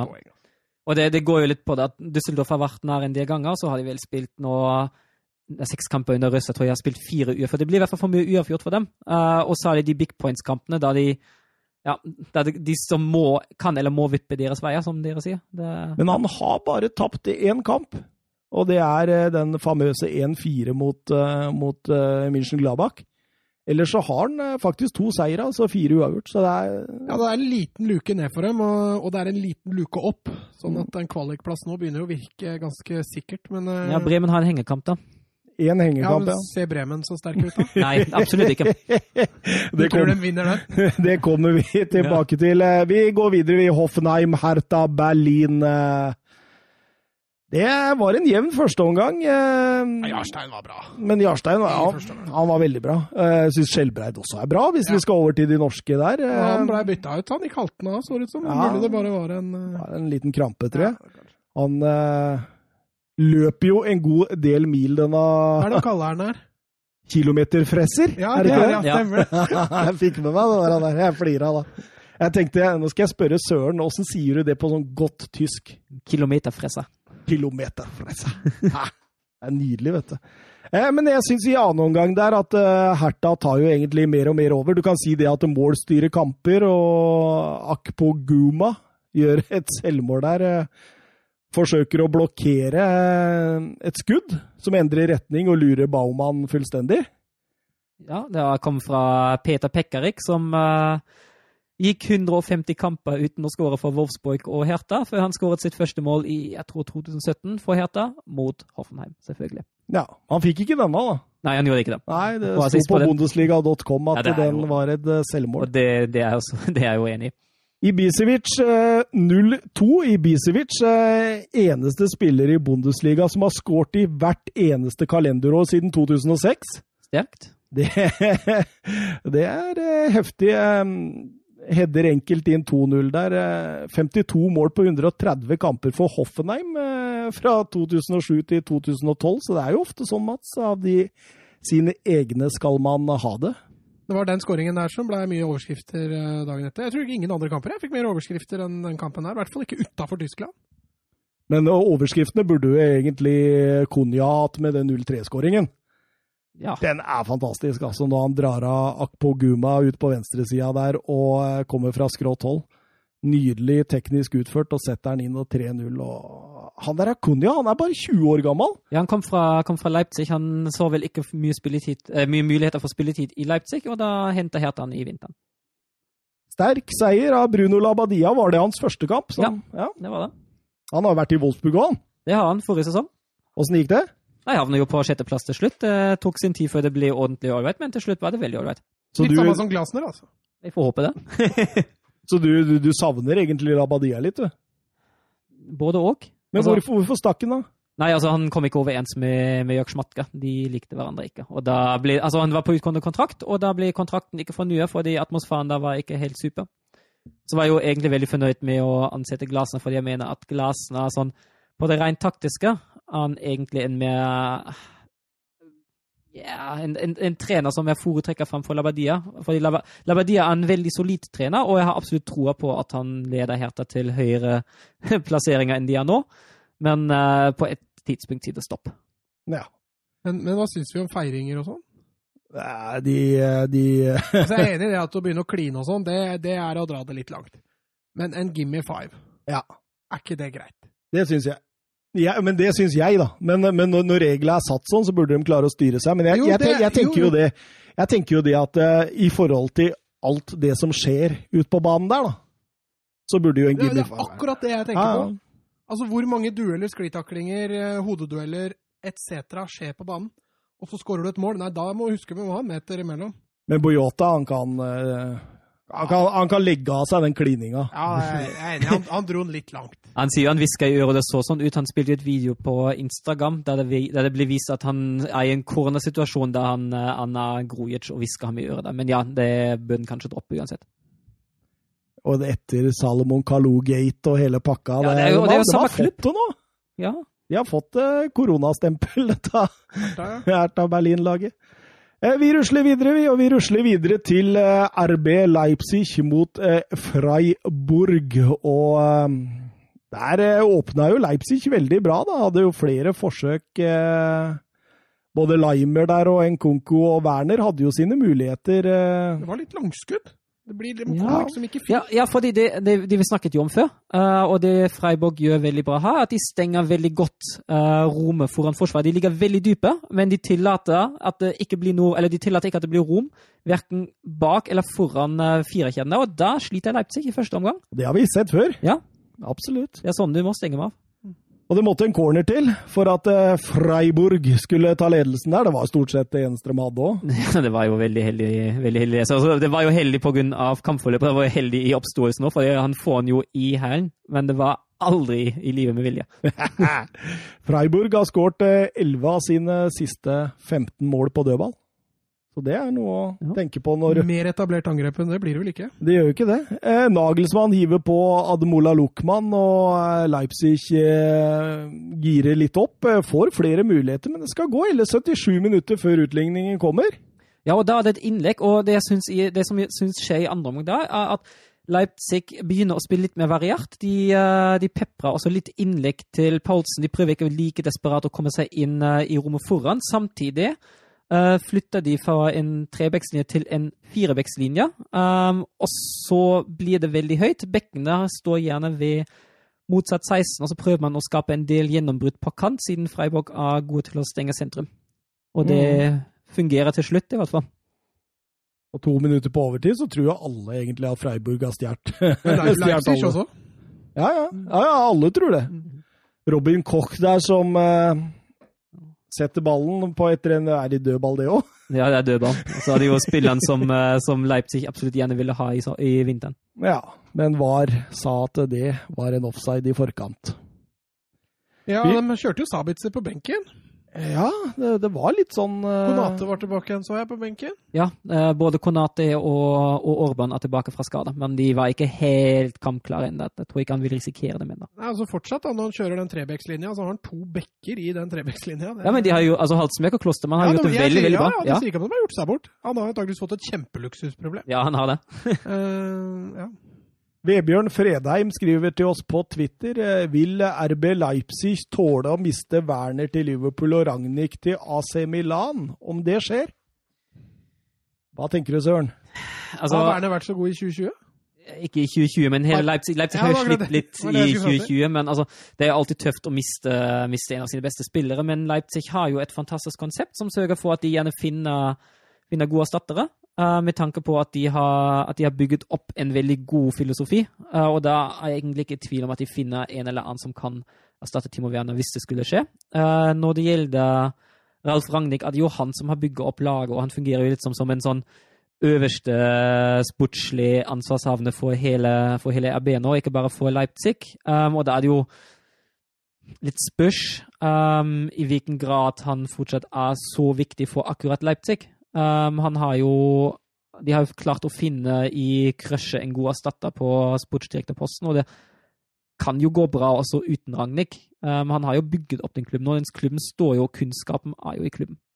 Selv om Ragnhild uten tvil er en eh, dyktig og viktig figur. Har det blussa opp noen nye Ragnhild-rykter til Milan? Ja da, ja da. Det foregår hele tida nå. Eh, Hvordan vil Werner passe inn i Liverpool? Eh, Helt strålende, spør du meg. Han er jo akkurat en sånn eh, type spiller som passer inn i Klopp sitt eh, 4-3-3. Ja, og så har han jo, han jo pepra gegenpressing siden 2016, siden han kom til Leipzig. Ja, det er match made in heaven, spør du meg.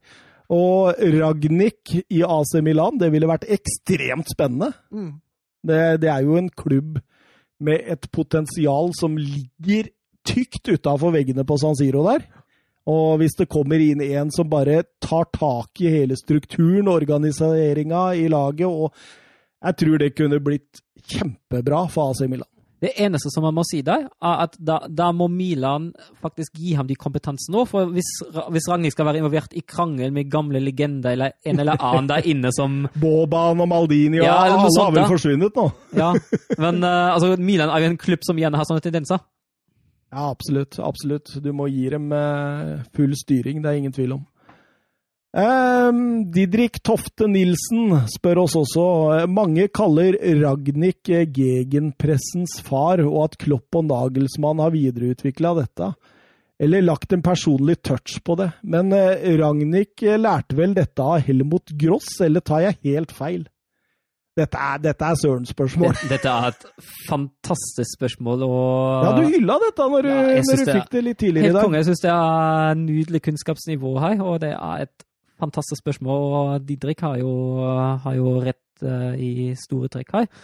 Uh, Grås han, eh, han var i 1981 den første som spilte det, det man kaller for ballorientert markering i Tyskland. og var det, altså Soneforsvar istedenfor mann og forsvar. Og han var da inspirert av Ernst Tappels Nederland, eh, et av veldig få lag som spilte, som spilte soneforsvar.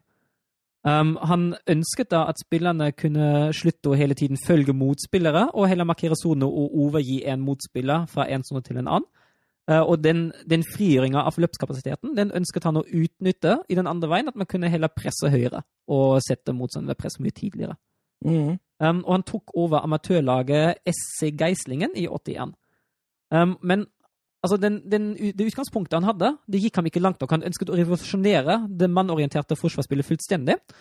Uh, så i tillegg til at uh, alt det der, uh, skulle det uten ball skyves slikt at man skaffet overtall høyt oppe i banen mot ballførende spiller, og ballen skulle vinnes, med, og med kjappe, korte pasninger fraktes foran mål. Og det høres jo veldig kjent ut. Men det, det, det, det er jo litt av det som vi kjenner igjen fra Drillo-tida òg. Jeg husker Drillo sa det at eh, statistisk sett så skåres de aller fleste måla åtte sekunder etter, eller, og, og, og nedover etter du har vunnet ball. Så i utgangspunktet da har du ikke skåret etter å ha vunnet ball etter åtte sekunder, så kan du egentlig bare gi bort ballen og prøve igjen. Fordi altså, sånn er egentlig statistikken på det. Mm. Så, og da kan du spare krefter, og du kan eh, ligge kontrollert, og Ja, det, det, det fins fordeler ved det òg. Det gjør det, men uh, ja. Men i hvert fall møtte Altså, han, uh, han Grås han gikk til en annen amatørklubb, Kirchheim, og med dem rykket han da opp til Oberliga, som på den tida var trenivå i Tyskland, og han vant to uh, mesterskap i delstaten Baden-Würtemberg i 87 og 88, og han spilte etter ryktene 1-1 mot Dynamo Kiev, som vant uh, forgjengeren til eh, Champions League i 87. Um, og da var Dynamo Kiev-treneren uh, Lobanovskij han var veldig imponert at et tysk amatørlag spilte det systemet han sjøl spilte med Dynamo Kiev. Um, og Grås og Ragnhild møttes også. Um, de uh, var en del av ja, trenerlærerstaben i den delstaten Baden-Württemberg, og da utviklet de sammen et system for å lære ballorientert, altså soneforsvar, til uh, breddefotballen og ungdomsfotballen. Um, må jo sies at Ragnhild har også hatt litt flere innflytelser enn Grås, som han jobbet veldig tett på. og ja, Han observerte jo blant annet uh, Lobanovskij uh, da han trente Dynamo Kiev. Uh, og han var også inspirert av blant annet da Herns Tappel, men han, han hadde veldig mye å gjøre med Grås, så det Ja, Didrik har et veldig godt poeng her. Um, mm. Og så er jo så er det jo litt morsomt med, med det systemet i, i Tyskland. For Ragnhild, så seint som i 1998, da han var trener for SSV Ulm, som på den tida var i andre Bundesliga, hadde nyopprykka fra tredje nivå til andre Bundesliga. Alle forventa at de skulle rykke rett ned igjen. Uh, Ragnhild ledet dem til direkte opprykk til Bundesliga i den sesongen der. Um, men da var han i, uh, i, sport, i, sportsstudio fordi han spilte med firevektslinja.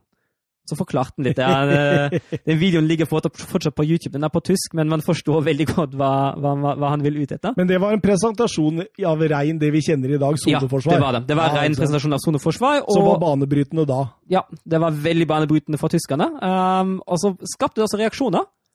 Det var daværende landslagstrener Erik Ribbek. Han sa at konseptet er meningsløse bare den neste kampen spiller en rolle. Og så blir han spurt om den største skuffelsen som han hadde i sine første 100 dager etter, eh, som landslagstrener. Tok jo over etter Bertil Vogt i september i 98. Og da sa han at jeg er skuffet over den oppblåste diskusjonen om taktiske systemer, som for eksempel en kollega av meg som lirte av seg banaliteter i CTF Sportsstudio og latet som om trenerne i Bundesliga er idioter.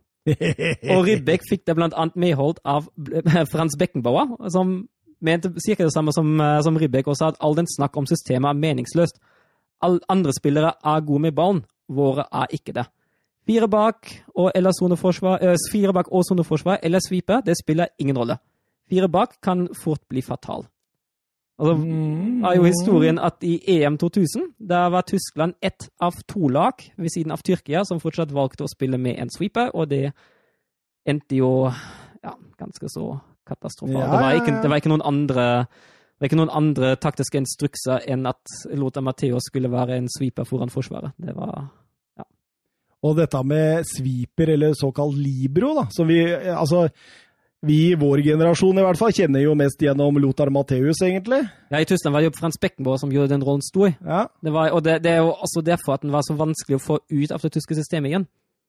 Men det kommer jo helt tilbake til en østerriksk trener eh, som heter eh, Karl Rappan, fra 1933, som begynte å innføre dette greiene her. Han... Eh, han hadde en sånn filosofi. Han trente servett, han trente Grasshoppers og det sveitsiske landslaget.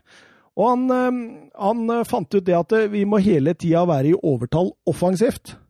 Og, og, hvordan gjøre det? Det er jo bare å skyve samtlige spillere ut, og hver gang vi har ball, så kan vi spille en 1-3-2-4-formasjon. Og den eneren bak der, det er Libroen for første gang. Og den ble spilt for uh, Servett i 1933, så veit dere det. Og det er den som er Ja, det er opphavet til Libroen, rett og slett. Ja. Så det var rett og slett Libroen blei danna fordi man ville angripe. Ikke fordi man ville forsvare, eller sikre Forsvaret. Ja, altså sa jo Rangik sjøl, altså siden vi snakker om hvor banebrytende dette var for tyskerne. Og han, altså han, han ble spurt om det mye seinere, og så sa han at det var en feil å gå på sportsstudiet. Men han sa også at hvis jeg hadde gått og snakket om dette her i England, i Spania eller Italia, da var det, det var ingen som brydde seg, for de var så langt unna oss på den tida taktisk at uh, det var egentlig helt natta. Og, og tyskere er jo fortsatt i dag ganske bra banebrytende taktisk. Du ser jo at eh, Men, men, mange av dem har jo forgreininger til Ragnhild. Du ser ja. jo, og, og, og, egentlig måten man driver på i dag i, i RB Leipzig-systemet, så er det jo altså Du ser jo Salzburg spiller jo på samme måte. Eh, og eh, under Haselhutl så var det jo også sånn i, i Leipzig at, vi, eh, at de spilte en type Ragnhild-fotball. Og, og jeg veit også det at at uh, Haselhutl han måtte jo gå uh, fordi han uh, Altså, han mente at den type fotball, den var litt sånn at man uh, spilte jevnt mot alle. Man spilte jevnt mot de dårligere, og man spilte jevnt mot de beste. Og at man aldri ville kunne ta opp kampen med Bayern München. Da. Så han begynte sjøl på egne på en måte oppfinnelser å, bryte litt av med dette for å virkelig kunne kjøre over de dårligste. Da. Og det blei egentlig eh, banen for eh, Haselhutl, altså. Dagens eh, Southampton-trener. Det er jo noen klubber som er veldig fastbundet til sin stil. da. Har en i Norge, blant annet, som uh, spiller noe annet enn 4-3-3 der, så har du sparken dagen etter. Du tenker Rosenborg? Ja.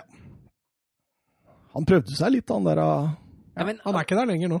Men så, så tenker jeg altså egentlig, um, særlig i fotball nå i 2020, det med formasjon altså, Det har egentlig ikke så mye å si om det er en 4-3-3, om det er en 4-4-2. altså Det handler jo om bevegelser framover. Men så syns jeg det blir feil å avlede spilletanken og spillefilosofien ut ifra systemet som er, som er på papiret. For du kan, spille, du kan tolke en 4-3-3 på 100 forskjellige måter. Altså 4-3-3 er sjelden lik 4-3-3. Men, men Ragnhild er jo veldig på fire bak. Det skal være det. fire bak og fire bak. Men, men sånn er jo ikke Nagelsmann. Nei, han varierer jo. Ja. Og det er jo litt sånn Men du, du må skape din egen greie, og det gjorde jo også Klopp. Han er jo Klopp og Nagelsmann. Altså, vi, vi kunne sittet og prata lenge om forskjellene på de to også. Og Nagelsmann har jo selv sagt da han tok over Leipzig, at Leipzig er, veld, Leipzig er veldig gode eh, i fasen eh, i gjenvinningsfasen og fasen til å angripe det, men Leipzig har en del å gå på på, på det etablerte spillet, og det var da han ville angripe. Og det er, da, det er det store målet han har, å gjøre Leipzig til et topplag der òg. Men Hoffenheim har også fastholdt på dette, vet du. Ja. Som uh, de, hadde, de, de to gutta var jo også sammen i Hoffenheim. Ja, Schreuder har gått litt mer Har lagt seg litt dypere enn uh, en Nagelsmann etter at han tok over. Um, litt mindre dominerende og litt mindre offensiv, men litt mer balansert. Men ja, det er i, i, noen trekk, altså i, stor, i de store trekkene er det samme. Mm. Ja, ja, ja. Det var jo et kvarters eh, Innføring. innføring i men, men det er interessant. Absolutt. For det er jo på en måte litt sånn historien eh, taktisk som egentlig forgreiner seg helt fra altså da 1933 til Jørgen Klopp, da. Ja. Så det, vi, vi kunne jo hatt en hel sending om det, mener jeg. Det er kjempeinteressant. Men vi må dra videre, og vi drar videre til Frankfurt mot eh, Borussia München-Glabach. Eh, Tidlig ledelse der. Det er vel det nest tidligste i klubbens eh, historie, når Borussia München-Glabach setter eh, 0-1. Ja, og så tar det ikke lang tid før det er 0-2 heller. Det går jo ganske fort, begge, begge deler der. Det er, forsvarsspill på lavt nivå. Ja, det er det. det er et skandale, med Tyram han er bra, altså. Mm. Og så var det din kompis Benze Baini som uh, hadde assisten på 2-0, da. Ja, ja, og Ba- Baini er jo fantastisk! Han er jo Superoffensiv. da. ja, ja, utrolig morsom. Ving, han. En morsom type, altså. Ja. Han har vel fem mål i år også. Så. Ja, på sånn tikamp eller noe sånt. Det er nesten Haaland. Bedre enn Lewandowski. Men, men uh, Borussia München-Glabach eh, feier jo over eh, Frankfurt der, og det kunne stått mye mer enn eh, Ja, han 0-2 Hoffmann, også. hva er det han dreier med? du tenker på den med hinteegger? Ja. Nei, jeg, jeg veit ikke. Jeg tror kanskje han trodde at den allerede var i mål. Eller bare hadde den, jeg, jeg vet ikke. Altså, den må Han hadde jo med seg to stykker, da. Han burde jo egentlig spilt på. Ja, altså, altså Hvis han ikke klarer å få forbi ballen av en, fors, uh, forbi en forsvarsspiller som står på streken fra fem meter altså, Ja, det er, eh, men jeg må si Hintregger leser det jo fantastisk, da, for du ser Hintregger begynner bevegelsen Ja. før Hoffmann har skutt. Mm. Så der leser han det jævlig bra. Men Adi Hytter han må jo få kontroll på organiseringa nå, for det, det var jo en skandale. Og, og vi har jo snakka litt om det nå, om hvordan eh, man gikk fra mannsmarkering til sone. Her er det jo et lag som ikke veit sjøl om de spiller mannsmarkering eller sone. Det jo Altså, det ser du spesielt på første goalen. mm, Hvordan de støter, og når ballen blir slått forbi, hvem som da går i neste presset. Det er jo bare surr og mas og jas og fjas. Og det Altså, det er eh, Nei, det er et eh, eksempel på hvordan man ikke skal forsvare seg. Ja, og det er jo et billig straffespark der i annen omgang som Benzebaini eh, setter. Eh, litt heldig. ja, absolutt, absolutt. Eh, innbytter André Silva eh, på lån fra AC Milan setter 1-3, et trøstemål der altså, men eh, ja, altså Marco Rosso og Borussia München-Glabach fosser videre, de. Ja, det så, og det så veldig bra ut. Kunne, kunne som Mats vært inne på, vært flere mål opp.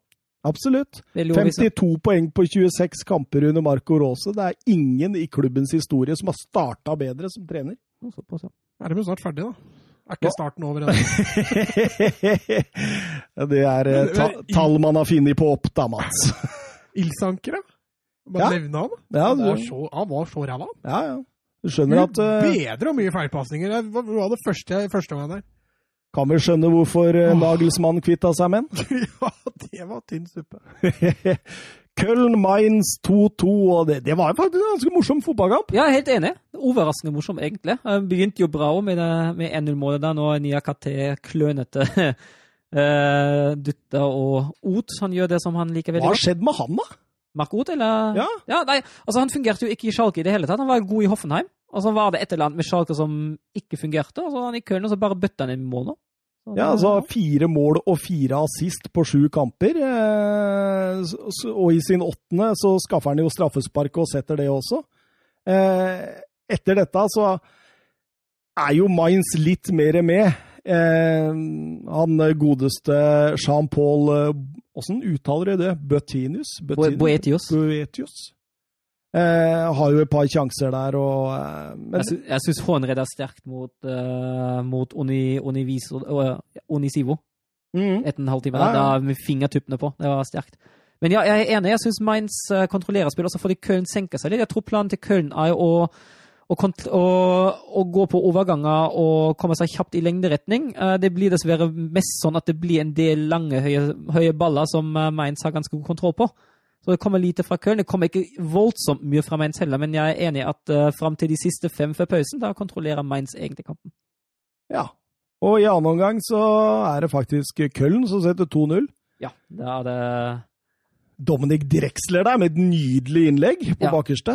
bra spilt. Og så Det er vel Kain som header inn eh, 2-0, og, og da hiver eh, Berseloy, Be- Be- Beierloy Lorzer Det var vanskelig å si det på norsk.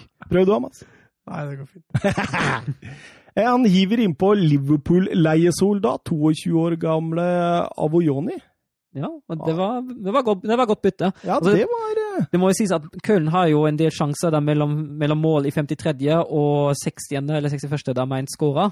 Klarer ikke å utnytte det. Og så syns jeg egentlig det 2-1-målet kommer litt ut av det blå. Egentlig en periode da Köln er best på banen. Da Köln har god kontroll på spillet og på sjansestatistikken og på stillingen, da. Men uh, kommer det en uh, lang ball som klareres dårlig, og så er det en god overlapp, og så blir det fin passing av Kveison og fin 45 inn, og da, da står han, innbytteren. innbytter eh, Taivo fra Liverpool. Ja, det, da har du gravd dypt i Liverpool-skåden når du henter han der han er, altså. men, men ti minutter etterpå så har de jo også gravd dypt i Atletico Madrid-skuffen når de fant eh, Pierre Condé. Og det er litt av et mål. Eh, Altså, desto dårlig forsvarsspill, Altså, men det var den der koronaavstanden som Han ja, ja. en, han har en autobahn å løpe på. Det Han løper, han løper langt før han skårer, det er jeg helt enig i. Og du snakka om uh, Hoeng Min Son sin skåring mot eh, Burnley, at han løp rett fram. Dette var rett fram! Altså, han dribler jo ingen. Kanskje, kanskje han siste, men han bare løper jo forbi dem. Ja, ja. Og da står det 2-2, og det blir sluttresultatet. Ja, så blir det jo en del Hawaii til slutt. da. Det er jo egentlig begge lag som prøver å sette 3-2. Um, og som uh, da ender opp med å ha veldig stort strekk i laget og løpe i kontringer mot hverandre. Det blir, det blir veldig gøy. Det blir, det, det blir lite sånn taktisk interessant, egentlig, for det blir veldig Hawaii, men det blir veldig underholdende og gøy å se på. Det var en veldig morsom kamp der på 17. mai, og en annen kamp ble spilt 17. mai òg. Union Berlin mot eh, Bayern München. Og syns Union eh, kom godt fra det, sånn all over. Ja, jeg syns særlig i starten var de gode. Eh, da prøvde de, å, vel, prøvde de å spille, spille ballen i bakrommet, særlig mot Oja, så snart de vant den ved midtstreken. Det var jo en gang Oja nesten kom seg gjennom med en dårlig touch da, som hindra at den får en stor sjanse. Men eh, jeg syns absolutt det var Altså, det, det var jo helt greit, men jeg syns starten var veldig godkjent av Union, i hvert fall. Resultatmessig så er det jo veldig respektabelt, selvfølgelig. Eh, Jeg syns jo utover i andre omgang syns jeg Bayern dominerer fullstendig. Men det er litt krabbegir, eller? Ja, men de, de skaper jo ikke all verden. De Nei. mangler den siste foran mål, eller siste pasningen. Ehm, Sånn at eh, Union eh, møtte kanskje Bayern på et eh, heldig tidspunkt, eh, samtidig som eh, Bayern eh, har litt igjen å gå på. Altså, nå er det vel et relativt heftig derby om en drøy uke, og da, da bør Bayern opp et hakk i forhold til hva Dortmund viste i helga. Jeg tror Dortmund vinner den. Jeg vet ikke, hvem, jeg tror Bayern får litt fordel av at det er tomme tribuner. altså. Du tror det? Ja, det kan godt hende. Ja, Det trodde jeg kanskje om Schalke nå, da, men Men det er vel Bayern på hjemmebane, er det ikke det? Nei, Dortmund Å hjemmebane. ja, det er det, ja. Det er det. Neste tirsdag. Stemmer det, stemmer det. Oi, oi, oi. Det blir gøy. Eh, Lewandowski i hvert fall setter 0-1 på straffespark etter at eh, Subotic eh, feller Goretzka noe klønete, eller? Ja, jeg syns han er treig i både kroppen og igjen der, altså. Det er det mange som har gjort før Subotic, den fellinga der, hvor du ser jo ikke hva som kommer i ryggen. Ja, selvfølgelig, han kan være kjappere, Men Subotic er mange ganger 40. Det er klart det går treigt, og det kan skje den beste, men eh, nei, det gjør det. Jeg tror ikke det har skjedd Van Dijk. Men det var det, Altså, jeg så jo først uh, Køllen-kampen. Uh, Syns det var veldig artig. Denne kampen her var en skikkelig nedtur i forhold. Altså. Ja, jeg er helt enig. Det var det. Og utover i annen omgang der også. Det var jo altså Ja, ja, men når jeg sier at de dominerte fullstendig, så mener jeg ballen. At de er på ball, ja. ja, ja for det, altså Union Berlin har jo knapt nok en sjanse fra 20 minutter og ut. Nei, og så fort Union vinner ballen, så ser man jo planen tydelig. De skal framover. Og Bayern snapper jo opp alle andre baller. Ja, absolutt. Eh, 2-0 da, kommer eh, rett før slutt, eh, eller rett før slutt og rett før slutt, 11 minutter før slutt. Eh, Benjamin Pavard. En eh, corner som Pavard eh, header inn. ja. Er det noe mer å si? Nei. Nei, det er jo selvfølgelig en fullt fortjent seier, men jeg er enig med deg. Det var, var litt antiklimaks, kanskje. Ja, og um, Manuel Neuer nå har faktisk klart å holde minst én clean sheet mot samtlige 35 Bundesliga-lag han har møtt med sitt kjære Bayern München. Og uh, de har skåret 50 mål på 16 kamper under Flick. Det er ganske heftig. Ja, med en tre. Flick, han, uh, han består. Han får det til, han. Blir ikke noe Arsen Wenger. Husker du vi spekulerte? Ja, ja. Verde Bremen Leverkosen, det var den siste kampen i, uh, i, runden. Det var i går. Ja, med Florian Wirtz i startelveren der. ah, irriterer meg at jeg ikke husker det navnet der, altså. Ah, jeg, jeg, kommer til å gjøre det. Ja. Still det spørsmålet neste gang. Ja, Men um, vi eh, kan vel egentlig si at det var Kai Havertz-show i første omgang? Det var det, i hvert fall da første omgang først kom i gang. De første 25 var jo veldig hendelsesløse, syns jeg. Men uh, da var det Kai Havertz etter det som uh, skåra to på hodet. Falsk nier? Ja! Det var altså Jeg syns det, det, var veldig fint hvordan, uh, hvordan Bosch angrep den kampen. der, fordi Havertz var jo klar falsk nier, men han fikk innimellom også støtte av Amiri, som nesten trakk opp som en som en halvspiss ved siden av ham, eller litt bak ham. Jeg syns det var en veldig interessant løsning der, altså. Ja, det var artig. Jeg... Både en falsk nier og en tier? Ja. ja det er litt det er sånn. Ikke så mange, det er ikke så mange. Så sitter vi her om 20 år og prater om Bosch. Ja, den revolusjonerende Bosch. Og resten av fotballverden tenkte nei, det der og der, det er ikke noe å satse på. Kan ikke både ha falsk nier og tier, det går ikke. Så vinner eh, Tyskland eh, VM i 2038. Og så, altså, så syns jeg det er litt morsomt at uh, som falsk nier skåra Havertz to soleklare spissmål. Ja, ja. Og, og, men, men, imellom de to måla da, så er det jo han eh, Gebre Selassie som eh, Det er nesten tro kopi av det der. Ja, jeg tenkte akkurat det samme. Ja, ja, ja det var det. Men jeg tror Gebre Selassie gjør det litt mer tilsikta enn Manuel Golde. Det, det virka sånn. Eh, men om Gebre Selassie kunne skåre mål, så kunne han ikke forsvare seg. Og det var jo totalt kaos bak i Verde Bremen-forsvaret. Det var verre enn eh, det vi, eh, det vi så men, i Frankfurt. Men har de trent mye med ball og kontakt i Tyskland før serien?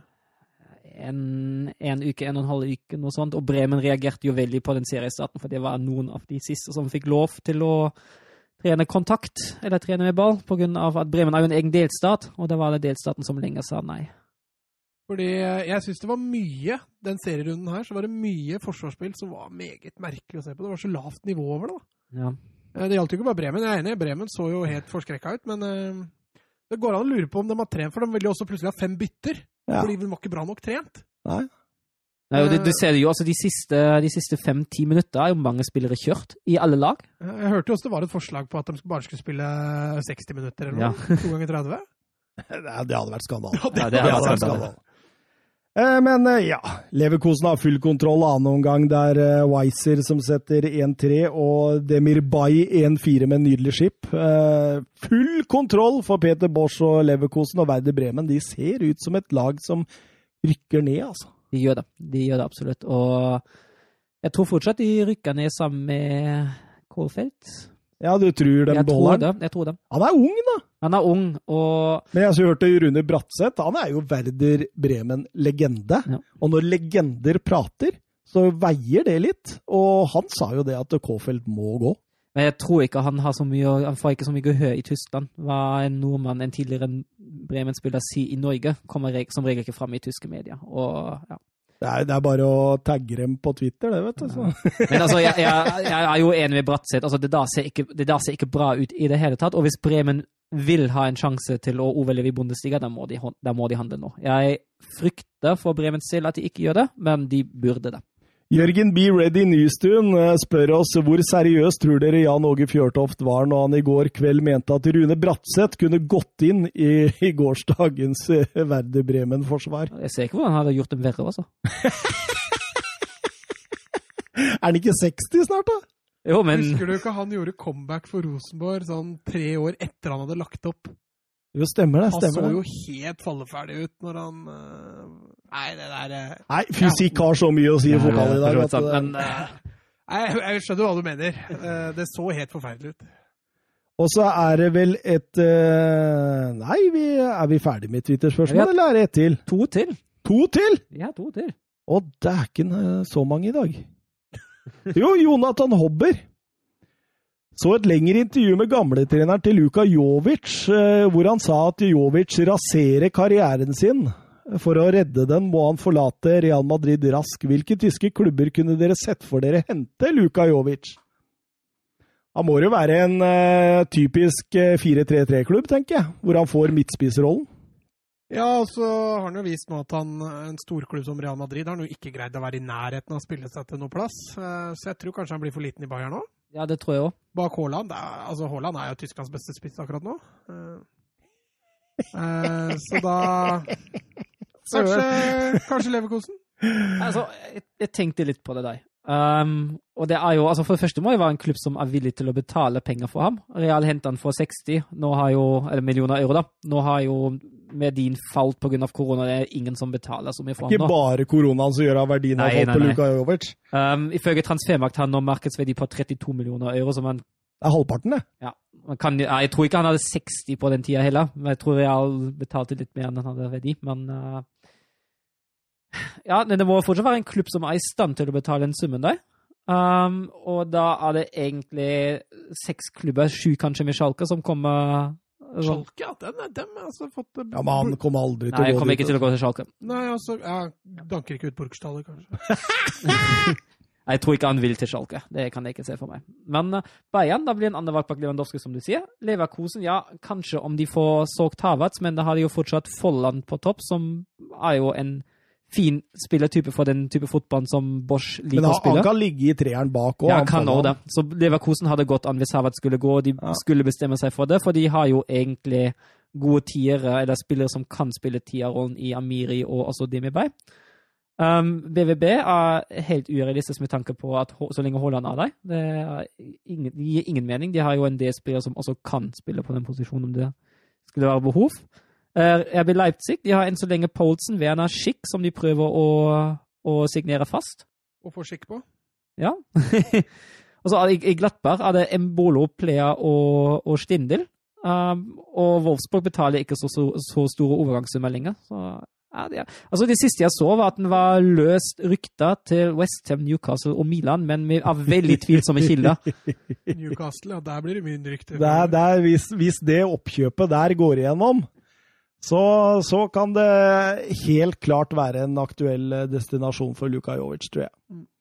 Eh, sammen med en haug av andre spillere. Nå, Ja, nå vet jeg altså, Nå leste jeg noe om at, eh, at, det, at det kan velte fordi eh, Saudi-Arabia har et eller annet sånn økonomisk greier i forhold til TV-rettigheter og diverse sånne ting. Altså, altså jeg, det, det virker nærmest som at eh, sånn brudd på menneskerettigheter og sånt, det går bra, men tuller du med økonomien, da, da ryker du. Men, men Var jeg, jeg, jeg, jeg tror det fortsatt. Men, men det er noen skjær i sjøen, tydeligvis. da. Em, et spørsmål til. Søren, du hadde rett, du. Uh, Petter Støvland. Hva var oddsen for at det nettopp var disiplinerte og strukturerte tyskere som satte i gang fotballen først av de store? 1,01 i odds. Jeg ser poenget. Jeg gjør det. Jeg gjør det. Uh, helt enig med deg. 1,01 i odds. Uh, hvilket av topplagene så best ut i denne runden, tenker dere? Men har ikke Færøyene spilt fotball en stund, da? Teller ikke? Nei, det teller ikke, Mats. Eh, jeg syns Dortmund ser eh, så vassest ut i denne runden. Utvilsomt. Ja, altså, det er vanskelig å sammenligne for Leverkosten, da. Eh, For Verde Bremen var så jækla dårlig. Jeg syns Schalke var dårlig òg, da. Men eh, Leipzig syns jeg så De var de minst imponerende. Eh, Av topplaga. Av topplaga. Så er det Bayern også. Når du veit nivået til Bayern, så imponerte jo ikke de heller. Nei, de gjør ikke det. Eh, Og da sitter du igjen med Gladbach, Leverkosten og Dortmund. Og Dortmund møtte jo på papiret kanskje det sterkeste laget, så jeg kan være enig i det. Ja, jeg er enig òg, men det jeg syns er fascinerende nå, er at etter den koronapausen har nesten alle lag fortsatt i den formen som de var før. Unntatt da kanskje Hertha, som har fått seg en ny trener i Bruno Labadia. Men eh, jeg syns det var få overraskende resultater. Eh, Jeg hadde ikke regna med at Hertha skulle vinne 3-0 i Hoffenheim, og kanskje også tippa hjemmeseier på Leipzig mot Freiburg. Men eh, Leipzig har vært rustne i hele våren, og de har fortsatt med det. Og lagene som var gode i form, fortsatte med det, og lagene som har vært i en helt elendig form, har også fortsatt med det. Så det, ja.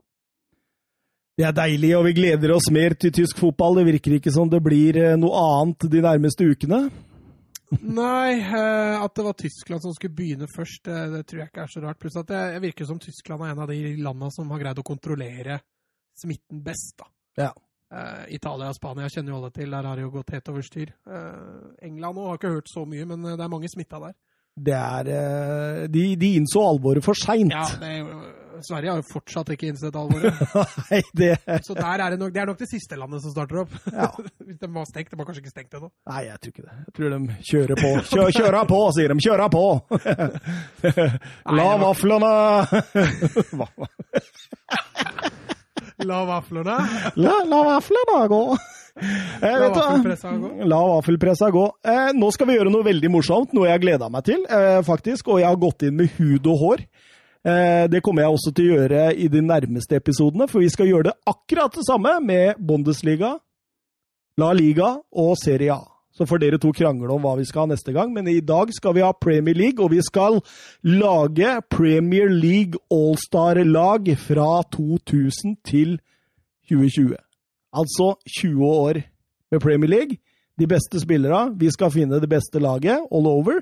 Eh, Kriteriene som ble satt litt, vi diskuterte jo litt det. og Ikke mye. Nei, og, og vi skal heller ikke ha så mange kriterier. Annet Dette at de skal være, de skal ha vært gode i Premier League over tid. Det var ikke kriteriet vi hadde. Det må jo det. Eller så er, det, er, det er jo dust å Altså, det må veie mer å spille ti år og, og gjøre det strålende over ti år, kontra tre år. Det er jo et av kriteriene, de naturlige kriteriene. Ja, men hvis, hvis du har spilt fantastisk bra de tre åra, og så legger du opp, Ja. og så har du vært blåst i 90-tallet, da. Ja. Eller hvis du har spilt eh, veldig, veldig bra i ti år, skal det veie bedre da? Mm, eh, vi får se. Det er det vi skal diskutere oss fram til. Okay, okay. Så, så må vi bli enige om et lag, og det poster vi på Twitter. Er vi enige? Ja. Ja. Da kjører vi på med keeperposisjonen først. Eh, er Peter det Schmeichel har jeg der. Ja, en som spilte Han var vel i Aston Villa City han på, på tidlig 2000-tall. han god, ass! Så, så vi sløyfer United-tida på Peter Schmeichel, så tror jeg sønnen hans er nærmere, faktisk. Men eh, har dere noen forslag, eller? Ja, altså jeg har mange. Du ramsa jo opp noen. Eh, men jeg du, lander, du skal bare ha én keeper, eller? Ja, vi men, men vi skal diskutere litt, og så komme fram til keeperen vår. Ja.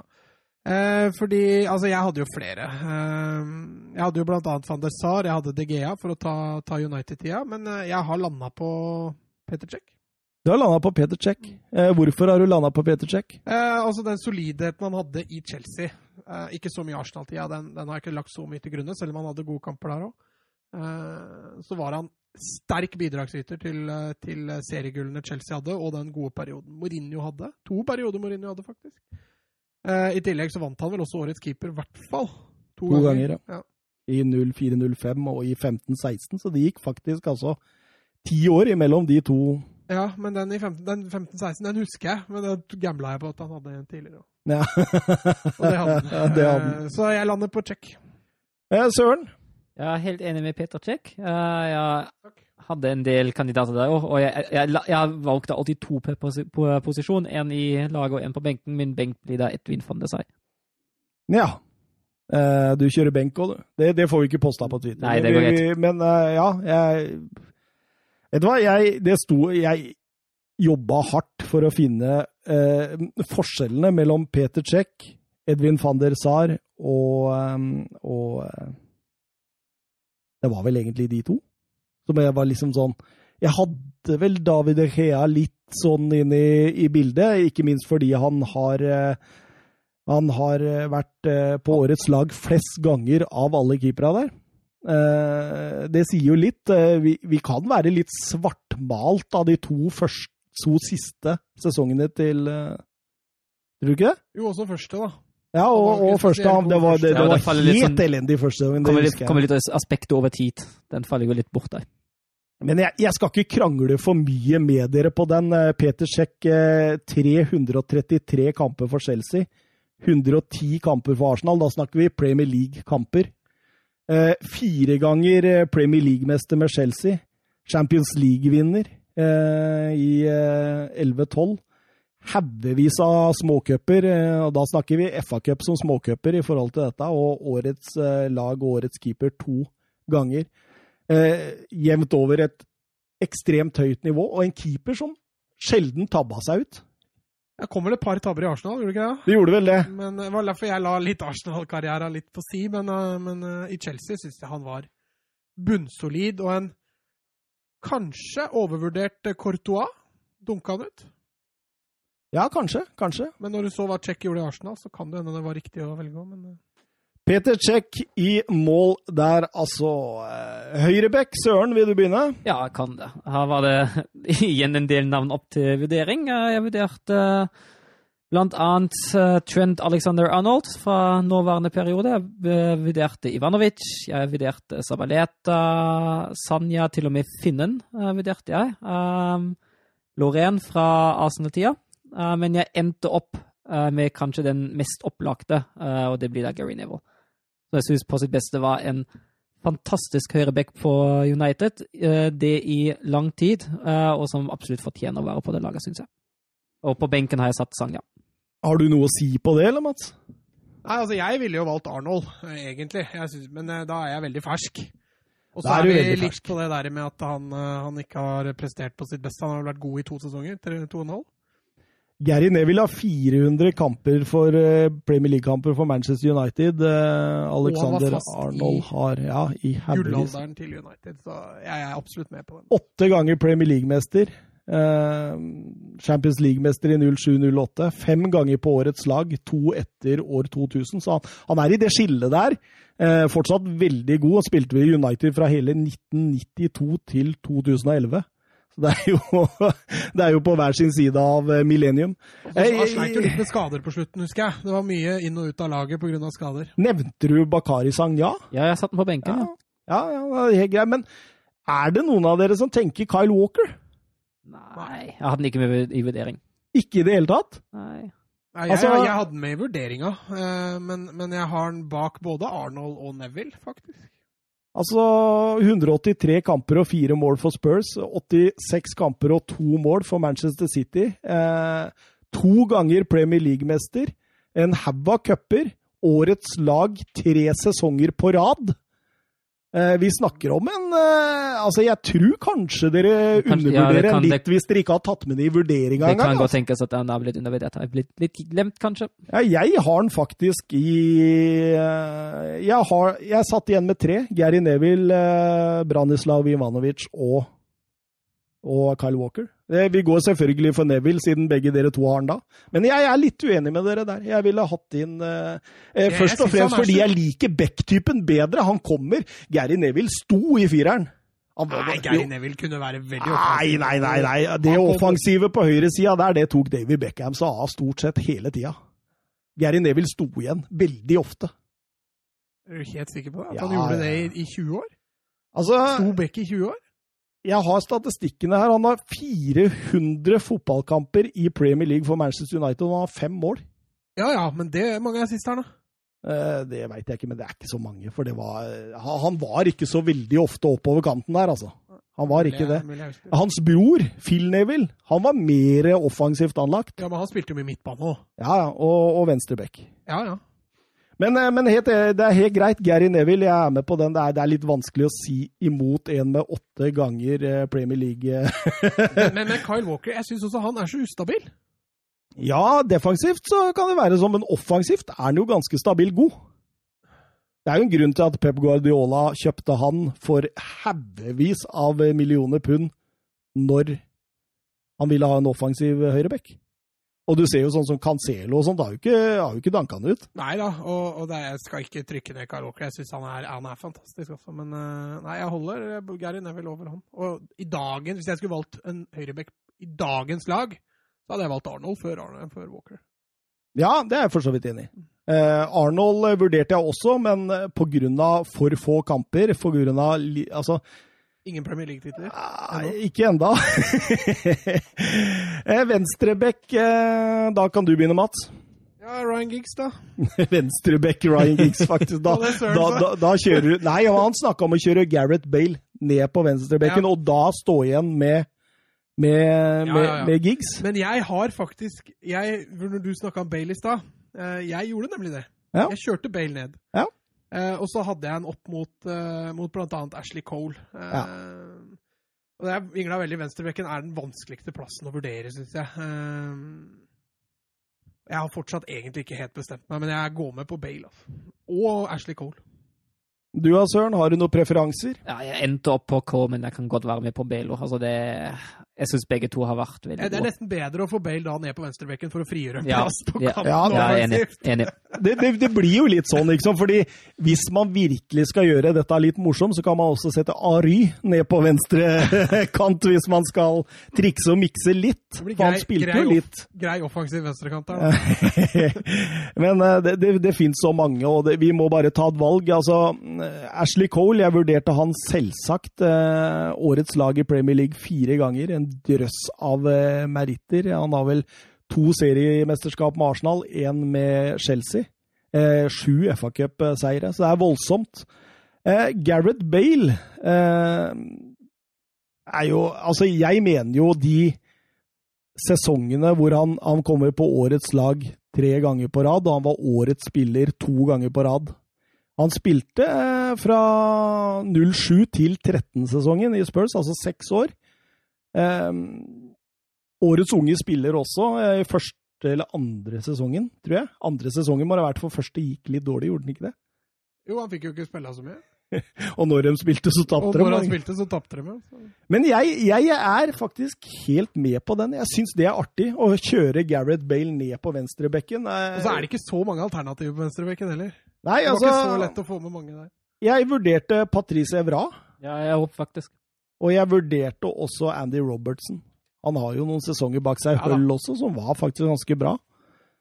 Så han er mer berettiga han enn Arno? Ja, fordi han øh, Han var øh, Altså, når han kom til Liverpool, så var han jo en slags reserve. Eh, det var jo egentlig Moreno som skulle liksom starte der, og så fikk Moreno en skade, husker jeg. Og så kom Robertsen Robertson inn og gjorde plassen til sin. Eh, Guile Cliquet og, eh, og Leighton Bates, også verdt å nevne i en sånn posisjon. Strålende karriere, begge to. Klisjy ble litt overvurdert, jeg. Veldig god i Arsenal. Veldig Ja, Arsenal hadde han en bra City. karriere, men City var det jo helt uh...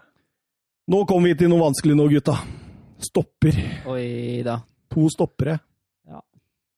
Det er så vanskelig. Søren, du kan begynne. Ja, og da har man jo et kjempeutvalg. Altså, de navnene jeg har skrevet ned her, det er Terry, Ferdinand, Vidic, van Dijk, Kempel, Cavallo, Kompani, Carragher, Hyppie, Colo Touré, og jeg har sikkert glemt den ene eller andre òg. Um, jeg syns det var et vanskelig valg, særlig mellom tre stykk. Uh, det sto for meg eh, på de to som jeg skulle ha med mellom Terry, Ferdinand og Vidic. Uh, jeg syns alle tre kunne fint har fortjent den plassen i den elveren. Jeg endte til slutt opp med Terry og Ferdinand, men jeg er veldig tilbøyelig å ta med Vidic til fordel for en av de to. Er vi, er, avskriver vi van Dijk, liksom? Du vil ikke det. Altså, jeg mener jo altså, Det er åpenbart at jeg kanskje ikke husker så bra da, som det dere gjør ned til eh, nærmere 2000, men eh, jeg, altså, de to sesongene han har hatt da jeg, jeg kan ikke si jeg har vært en bedre stopper altså, i, på 2000-tallet. Og han var god i Southampton. Du skal legge til det òg. Ja, det kan, jeg kan legge til det. Hey, vet du hva? men, men, men jeg syns altså Ja, men er du enig? Har noen av de tre stopperne jeg nevnte, har de vært bedre enn han? Vidic på sitt Var han bedre enn van Dijk? Nei. Nei, altså på nivå. Altså, glem, Helt nivå. glem at han var viktig, liksom, for Liverpool. At han var Men altså, sånn, sånn stoppemessig så solid, så, Ja. så trygg.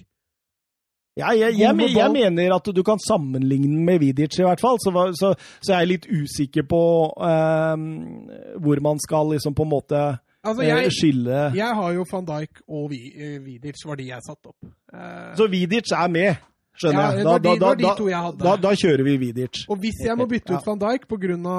for få sesonger, så Jeg tror jeg vil gå for Terry, altså. Ja. Det er det jeg vil egentlig også. Eh, hvis vi kunne tatt eh, få sesonger og, og mye trøbbel, og bare se også på prestasjonen, mm. så kunne jeg- man hatt med Ledley King også. Ledley King, som Ary sa at det er den vanskeligste stopperen jeg noen gang har møtt. Altså, Ja, altså, eh, Han var jo bunnsolid, han trente jo ikke heller, da. Nei, det, altså, og han hadde bare ett kne, og det var, det var, var masse trøbbel. Men, men altså selve altså prestasjonen og selve det han gjorde på banen Ary sa det, at eh, vet du hva, vips, så var ballen borte, og du skjønte ikke hvorfor. Mm. Eh, en fantastisk stopper på sitt beste. Eh, bare det å ikke kunne trene og få så mange VM-kamper og landskamper, det er jo helt utrolig. Eh, men eh, jeg eh, Ferdinand, Terry, Company, Carvalho. Det er der det står for meg. Ved siden av Vidic, da. Ja, ved siden av Vidic. Eh, Jeg legger bort van Dijk, og så sier jeg heller det at sitter vi her om tre år, så, og han har prestert på det nivået, så skal jeg ha han med. Jeg syns fint vi kan gå for John Terry. Eh, 492 Premier League-kamper for Chelsea. 41 mål. Fem Premier League-mesterskap, fem FA-cup og tre ligacup. Champions League-mester i 11-12. Europa League-mester i 12-13. Årets lag i Premier League fire ganger. Det er det Det, det står stor, stor eh, respekt av. Så får heller Wayne Bridge være uenig. ja, Wayne Bridge er vel ikke helt enig, men, det, men jeg tror ikke det går på kvaliteten Nei, på banen. Det er kvaliteten i senga! Skjønte du? Der er i hvert fall John, der er i hvert fall John Terry på årets lag i England, sammen med Ryan Oi, oi, oi. Høyrekanter da, gutta. Vi starter med Søren. Ja, da var det jo litt å ta av òg. Blant annet eh, David Beckham, uh, Freddy Ljungberg, uh, Ian Robben. eh, hvis man vil gå litt nyere tid, eh, både Stirling og Sala. Eh, jeg fant til slutt ingen vei forbi Cristiano Ronaldo, som eh, jeg valgte. Altså Beckham han var jo liksom, altså han Ja, hadde de tre hadde siste sesongene, og så dro han ut Real Madrid allerede i 2003. Mm. Eh, så eh, jeg, jeg, jeg har skrevet den opp, men eh, Det Hvis vi ikke kan ha med van Dijk, så kan vi jo ikke ha med Beckham. Nei, jeg tenker litt sånn, jeg òg. Jeg tenker litt sånn, jeg òg. Men jeg er Eh, helt enig med Søren. Du kommer jo ikke utenom eh, Ronaldo. Cristiano Ronaldo, jeg gidder ikke å diskutere, jeg heller. Er, han er klink inn der. Han, eh, 196 Premier League-kamper, 84 mål for Manchester United. Tre Premier League-gull på rad før han dro til, eh, til Real Madrid. Eh, Det ble vel et Champions League-gull inni der òg. Ja, og noe Ballon d'Or og litt sånt også. Eh, Så det, det, det er voldsomt. Eh, En stor, stor spiller og Vant han Ballon d'Or i United? Ja, han gjorde det. Han gjorde det. Eh, Han vant vel Ballon d'Or i 2008. Så det er vel året da, da hadde han dratt til Real Madrid. Nei, han dro til Real Madrid i 2009, han. Så eh, Men en fantastisk fotballspiller, og, og kanskje Real Madrids beste kjøp ever, eller? Ja, nå sånn som pengene har blitt nå, så er det jo egentlig billig. det Real Madrid kjøpte den for den tida, men eh, ja, det kan du trygt si, kanskje. Ronaldo spikra på høyre kant. Det føles litt deilig. Eh, kan godt hende han kommer med på et par andre lag òg, faktisk. Kanskje litt for tidlig med Serie A. Vi får se hva vi finner ut av. Eh, Venstrekant da, gutta. Eh, Mats. Ja, nei, jeg har egentlig bare Ryan Giggs, jeg. Jeg ser liksom ikke noe vei utenom. Ingen Eden Hazard. Jo, altså, jeg var innom han nå, men eh, altså, da blir det for feil formasjon. Da blir det som å jeg kan dytte ned Henry, da.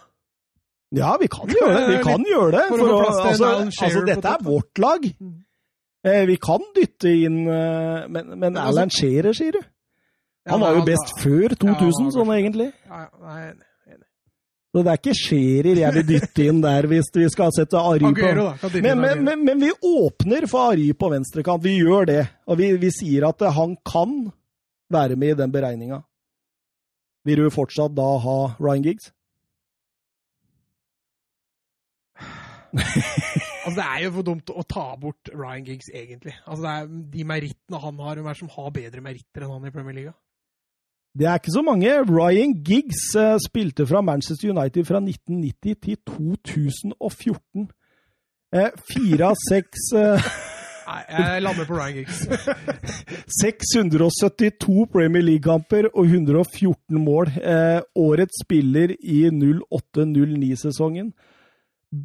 Bøttevis av eh, meritter å se til. Eh, ja, altså, det, det forsvares helt klart. Jeg støtter Giggs, jeg òg, altså. Eh, Fint, det. Vi kjører Giggs. Eh, det, jeg, jeg, jeg ville helst prøvd Ary, fordi jeg tror vi får et jækla problem på spissplass.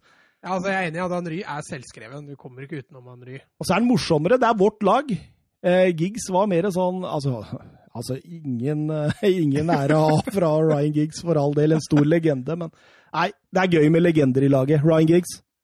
Vi kjører det. Ryan Giggs. Altså, Ryan Giggs. Ja.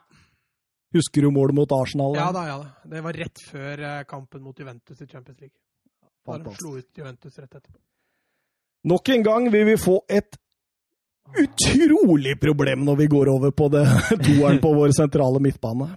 Ja, det gjør vi nok. Jeg hadde en del opp til vurdering, da. Blant Altså, den lista her, det er jo Paul Scholes, Steve Gerrard, Frank Lampert, Kevin De Bruyne, Chesh Frabigas, Viera Alonso, Toré Makelele, David Silva, Luka Modric, Golo Conté Altså, det er en evig lang liste av fantastiske fotballspillere som man kunne velge der. Skal vi prøve å ha én defensiv og én offensiv, eller skal vi bare Jeg, jeg, bare, Eller skal altså, vi kjøre England-style med bare Lampard og Gerrard og bare la det stå til og slite Altså, med balansen? Jeg, jeg ville jo gjerne hatt en Scholes, ja. jeg, har, jeg har en Scholes, jeg òg, men jeg, jeg valgte faktisk Scholes og De Brøne. Scholes og De Brøne, ja. Ja. Altså, ut, altså, det altså, er ikke mye defensivt. det hadde ikke fungert defensivt, men eh, Hvis jeg skulle hatt inn én defensiv der, så, så tror jeg kanskje jeg hadde heller mot Vieira. Men vi- jeg tror ikke vi trenger å tenke på balansen i dette laget. Dette er bare Nei, det blir 10 Klink. det blir 10-9, vet du. Vi Klink. ja. altså, te, jeg tenker også at De Bruyne han spiller med de ferdigheter. Det, altså, det han presterer på et stabilt høyt nivå gjennom hundrevis av Premier League-kamper, det er helt fantastisk. Å ha inn en Wolfsburg-spiller, vet du. Det er det, som- Det er, det er det han jobber mot. Han, er, han, han teller ikke for Wolfsburg, det. Mats, hva, hva tenker du? Nei, altså Scholes var den første jeg skrev ned. Uh... Men, men, men før du fortsetter, da, så, så hugger vi Paul Scholes i stein. Jeg er også klar på den eh, 499 Premier League-kamper for Manchester United og 107 mål. 11 Premier League-gull! ja, jeg hadde jo også med Luka Modric, blant annet i den poolen, ja da. Eh, men det er klart han blei ordentlig god Eller han blei først ordentlig kjent når han dro til Real Madrid. Ordentlig kjent. Ja, ordentlig god, da. Ja, ok. Ja. Eh, Han var bra i Tottenham, og jeg skal ikke ta fra deg Thomas. Det var Nei, men altså Det var en grunn, men- grunn til at Real Jo, Madrid men, betalte men, men jeg skjønner hva du mener. altså, fordi På den Tottenham-midtbanen da, så hadde du Rafael van der Fart også, som stjerte mye attention, og Gareth Bale. Mm. Eh, Bare se, for den midtbanen er jo helt sinnssyk, med Aaron Lennon på høyre. Men Det var ikke mye balanse der. eller? Nei, nei, men du hadde jo en Didier Socora og litt sånt, da, som drev og sveipa innimellom, men Nei, altså Paul Scholes, og så er det jo litt sånn om vi skulle ha en defensiv eller ikke, da, for da er jeg enig. altså En Vieira Kanté, en Yaya Touré jo, var jo også strålende. eh, selv om jeg fint kan gå med på Kevin De Bruyne, altså, selv om han har spilt i Wolfsburg. hva med Frank Lampard, da? Jo, åh, ja, selvfølgelig. Han hadde jeg jo. Åh, nei, nei, jeg, jeg endrer Jeg, jeg, jeg mener at uh, Kevin De Brøne må jobbe litt til for å kunne uh, sammenlignes med Frank Lampard. Han uh... Nei, jeg vingler. Jeg er enig med Thomas. Det er greit for meg òg, altså. Du, du er Ja, det er helt i orden, ja. Da blir det Scholes og Lampard sentralt, og det, det, det er jo som dere sier. Altså, du, du kan nesten kaste Terning. terning om hvem som Ja, ja, for det, det er så mye her. Altså, det, vi, altså Cesc Fabregas, det han gjorde for Arsenal spesielt, da.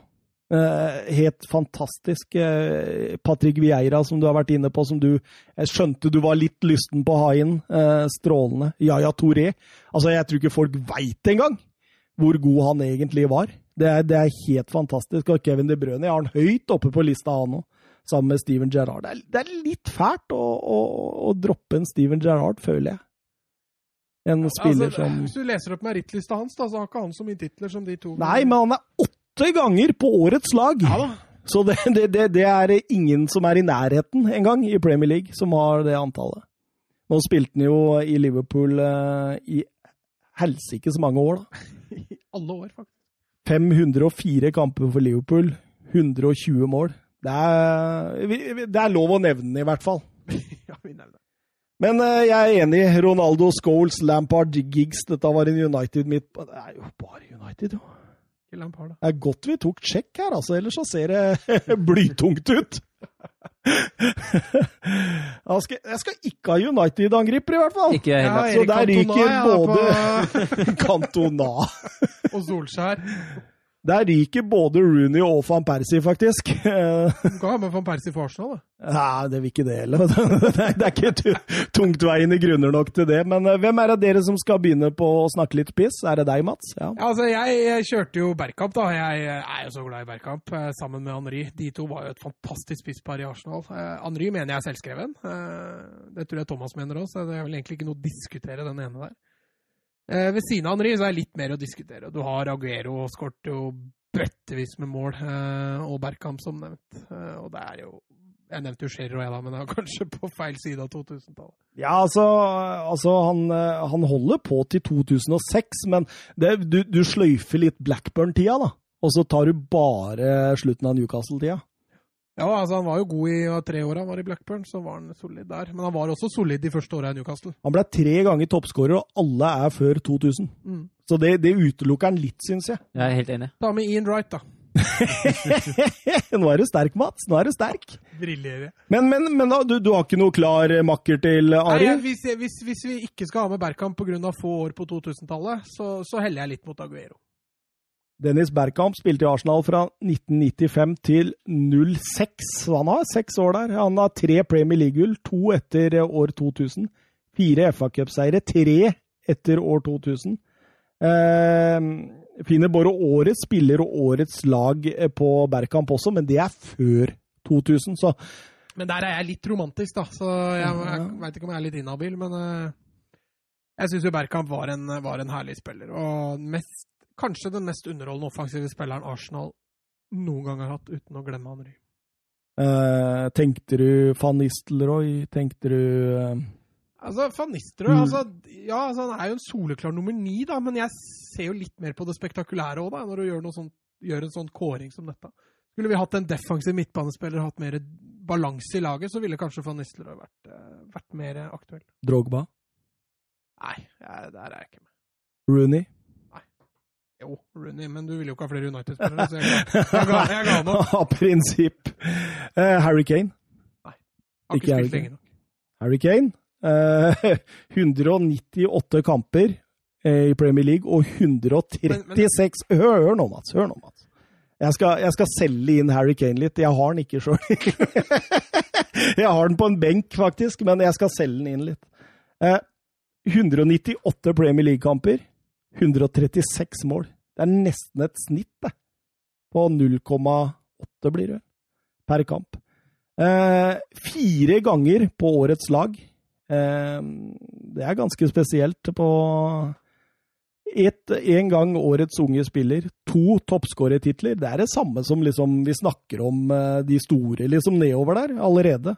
Én årets spiller og bøttevis med trofeer, og ikke minst Member of the Order of the British Empire. Tenk det, ja! Det er ikke mange som er Altså, en fantastisk spiller, og han bør vurderes. Men ja, men altså, jeg setter han litt sånn på lik linje med Ruud van Nistelrooy. Uh, van Nistelrooy også kunne jo gjøre noe spektakulært, og det kan jo Harry Kane gjøre også. Uh, men først og fremst en målskårer, og hvis du skal se på det spektakulære, da, så er det jo Syns jeg han faller litt gjennom.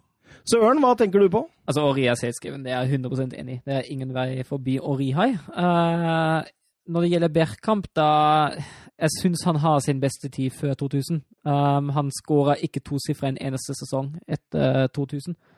Um, så jeg, jeg vurderte den, men jeg ikke, tok den ikke med på grunn av det. Um, jeg vurderte også Kane. Uh, jeg vurderte også Drogba og van Persie, men jeg endte opp med Aguero, som jeg syns er såpass god at den burde være det. Sergio Aguero. Manchester City fra 2011. 261 Premier League-kamper, 180 mål. Fire Premier League-gull, én FA-cup og fem ligacup. To ganger årets lag og én toppskårertittel. Men prestert jevnt og godt hele veien. Han er vel også den utlendingen i Premier League med flest Premier League-mål. Og du har jo sagt det, Mats, at eh, hvis han hadde holdt seg skadefri Mm. Han har vært prega litt Du snakka litt om hvis han spilte i Spania hele Så hadde han kanskje vært litt mer skadefri også. Eh, fantastisk spiller. Eh, jeg, jeg hadde mange på blokka. altså Vi snakker Luis Suárez òg, for den sesongen han har der, når Gerrard sklir. Den der sammen med Daniel Sturridge, husker dere den? Det, det er kanskje det høyeste toppnivået en spiss har hatt eh, i Premier League, tror jeg. Eh, Jeg vurderte også Altså, jeg vurderte den vel ikke, men jeg har skrevet med Michael Owen. Eh, Jeg, Carlos Tevez, eh, Jamie Wardy og Dimitar Berbatov er spillere som liksom kan Men, Michael Owen, han, når var det han gikk til Real Madrid, da? I 2004. Og så var han jo mye skada før det. Han var jo, slo igjennom i 2000, nei, 1997 eller noe sånt. 1996. 1996 slo han igjennom. Husker du ikke det av EM? Ble det ikke tatt ut som ung i EM? Eller var det v Nei, det var VM, VM, i 98. I VM i 98. Han, kom, han blei en del av A-laget til Liverpool i 96. Ja. Og så fikk han spille litt ut i 97-98-sesongen der. Det er der, der han slo til. Og så kom dette VM-et. Og så kommer alle skadene ut på 2000-tallet. Ja, og da kommer jo Newcastle-tida Han var jo bare i Real Madrid et år, Ja, var det ikke han var ikke der lenge. Nei. Så er det Newcastle og Manchester United, og til slutt avslutta han med åtte Premier League-kamper og ett mål for Stoke. Men uh, Dimitar Berbatov ah, jeg, Det er deilig fotballspiller. Det er- ja. Jeg er helt enig. Men uh, så spektakulær. Han scorer jo høyt på den spektakulære uh, biten. altså, jeg syns ikke vi kan vrake Aguero til fordel for Berbatov. Det syns jeg blir feil. Det gjør det. Vi hadde blitt gjort til latterlig Ja. Men jeg er enig. Altså, han, var jo, han var jo innom Leverkosen, og jeg husker han jo veldig godt derfra. Det var jo fantastisk spiller. Jeg ser et statsa til Rooney her òg, vet du. Ja. Fytti. Altså 208 han endte opp til slutt. Skal vi se, han, han har eh, 65 kamper eh, for Everton og 15 mål eh, fra 2002 til 2004. Han står med 183 Premier League-mål på 393 kamper for Manchester United fra 04 til 17, før han går tilbake til Everton. Det er jo en enorm karriere der. Eh, Fem Premier League-gull, én FA-cup, to ligacup, eh, både Champions League og Europa League. Tre ganger årets lag, én gang årets spiller og to ganger årets unge spiller. Eh, Store meritter, men, men Men, men det er litt sånn som du sier, da. Hvis jeg skulle tatt ut en elver, og jeg tar ut Henry, vil du ha Rooney eller Aguero ved siden av Henry? ja, Da ville jeg, tror jeg faktisk jeg ville hatt Rooney. altså. du ville jo det sånn egentlig, hvis Ja. vi skulle tenkt på sammensetning. Balansen i laget. Jeg, jeg er helt enig med dere med Tiara Ry, det, det, det var Mats inne på. En fantastisk fotballspiller. og Han, han holder nesten målsnittet til Harry Kane, eh, med litt flere kamper. Eh, han har 259 kamper i Premier League for Arsenal og 174 mål. Eh, to Premier League-gull, to FA-cup-gull. Andre- og tredjeplass i Ballon d'Or. Seks ganger på årets lag, tre ganger årets spiller, fire ganger toppskårer, og bøttevis med sånne individuelle priser. Tiara Ry er selvskreven, og jeg syns også at eh, Sergio Aguero er et kjempefint valg ved siden av. Ja. Skal vi kjøre det? Ja. Da er vi enige, da. Da har vi kommet til enighet uten sånn all verdens mye diskusjoner. Sånn egentlig. Vi, er- vi Altså, det, Jeg, det jeg, tror, jeg tror det skyldes litt at det er såpass mange spill at man lett er tilbøyelig å droppe sin favoritt for en annen virkelig god spiller. Det er, det det blir for mye bra. ja, det er ikke tungt å svelge. Nei. Nei, men jeg skal, jeg skal slite med å se den som, uh, som uh, ikke setter uh, Ronaldo og Messi på topp i La Liga. Eller skal vi kjøre de som hver sin kant? Kjøre 4-3-3. ja, for å få plass til to spisser der òg? Ja, Det har vært litt moro 4-4-2 med de to. Altså, Det går jo an å ta det til vurdering. Altså En Ronaldo på venstrekant og en Nei, eh, Spania, Messi på altså, høyrekant. den Der, der blir det dominert hardt av Barcelona og Real Madrid. Det gjør nok det. det, gjør nok det. Du gå tilbake etter. Og litt Atletico, kanskje. Altså Valencia, og du har et par Deportivo-spillere som var knallbra på starten av 2000, men eh. Nyere Barcelona-laget, det var klasse, vet du. Skal vi lese opp eh, laget til slutt? Eh, Det var Peter Sjekk i mål. Gary Neville, eh, Neymana Vidic, John Terry og Gareth Bale bak. Artig lag. Det var ikke så mye United, da. Det var to. ja, men så kommer det, skjønner du. Cristiano Ronaldo, Paul Scholes, Frank Lampard og Ryan Giggs. Det er tre av fire på midten. Fem. Det er nesten halve laget da, som er United. Og eh, la ned veto mot å ikke ta med og Van Persie her, så ble det Ari og Sergio Aguero på topp. Et strålende fotballag og mange legender. Hvis du skulle plukke én av dem, Søren, én av dem hvor du tenker at han, han er den store, hvem ville det vært? Det er altså sykt vanskelig, fordi altså, det har stått mellom to, og det er Gix og Henri.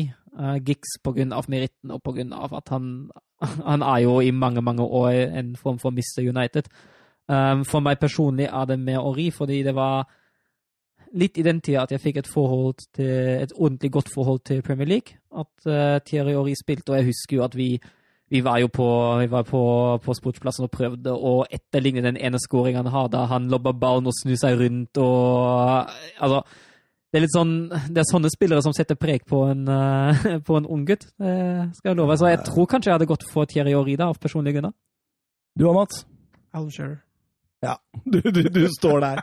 Men, det, men, men da måtte 90-tallet vært med, Mats. Ja, det, det, er, det er et kjempehardt valg. Eh, Men jeg må jo si at eh, jeg var jo gammel midtbanespiller sjøl, og sånne typer som Lampard er det lett å bli glad i. Eh, Det er vanskelig å være uenig med Søren. Altså. Henry, var, eh, Henry var fantastisk. Og uten Henri på det Arsenal-laget der, så tror jeg ikke de hadde vært Invincibles. Og da tror jeg ikke han hadde vunnet seriegull heller. Nei, han var helt strålende. For meg er det selvfølgelig Gareth Bale, men eh, jeg er vel ikke helt objektiv i den. eh, Men jeg, altså Å ha Gareth Bale på laget altså, altså han, han har ikke nådd litt av det nivået han hadde i Tottenham i Real Madrid engang. Ikke litt av det engang. Altså, for det han gjorde i Tottenham til tider, liksom, det var sånn Det var lekestue, liksom. Med fart og, og styrke, ballkontroll. Eh, skudd han Altså, jeg husker jeg satt på White Hart Lane en gang, i en kamp mot Sunderland. Eh, Tottenham eh, spilte elendig, og, og, og det begynte å gå mot 0-0. Og så han sidemannen min eh, var engelsk. Jeg tror han jeg dro til London med da, var, hadde omgangsuke. Våkna opp med det, så han, han blei ikke med meg opp. Så jeg dro på kampen alene og fikk en hyggelig engelskmann ved siden av meg. Og når jeg sa liksom til han at ja, dette blir skuffende 0-0, Sunderland har klart å forsvare seg, så sa han til meg Nei da, bare vent. Gareth Bale, sa han. Og det stemte, det. Han tar imot ballen ute på på en rundt 22-23 meter der. Utskrått ut høyre. Slurver litt i mottaket sitt, så ballen får en sånn spredt opp, men legger den elegant ned igjen. Så ser han på han som eh, kommer imot den, han Sunderland-spilleren, så så bare feier han forbi. Innover, innover, og så bare skrur han i krysset i lengste i det 90. minuttet, liksom. Det er, det er så fantastisk gjort at du Altså, jeg, jeg starta da. Jeg satt oppe på 18. rad. Og jeg tror jeg var nede på tredje-fjerde rad i den jubelen, liksom. Det tok fullstendig av. Men mot Sunderland? Ja, men- Liv altså. det, var, det, var, det Tot- alltid vært Det er der. ikke Tottenham-tida, dette. Å, det har vært en deilig sending. To timer og tolv minutter. Det var på sin plass. Selvfølgelig. Neste tirsdag, eller gutta? Ja. Passer for meg. Ja. Det er en ny Bundesliga, og også nå ti nye spørsmål. Det er det ti- jeg som har det. Åh. Vi har bare sånne tenkespørsmål som prøver å få Thomas mest mulig irritert. Det er alltid humor. Det god for sukk, du! Eh, eh, ja, men åssen eh, Allstar-lag skal vi kjøre? Nei, Mats kan bestemme nå. Jeg er lykkelig og fornøyd med at vi har Bundesliga på TV, ja, så jeg får min dose. Ja, Mats kan bestemme. kjører italiensk, da. Italiensk? Kjører Italia. Serie A. Dati. Ja. Del Piero. Nydelig, nydelig. Da blir det Serie A All-Star Team neste uke, tirsdag. Vi takker for følget Takker for følget. Takk. og vinker adjø. Adjø.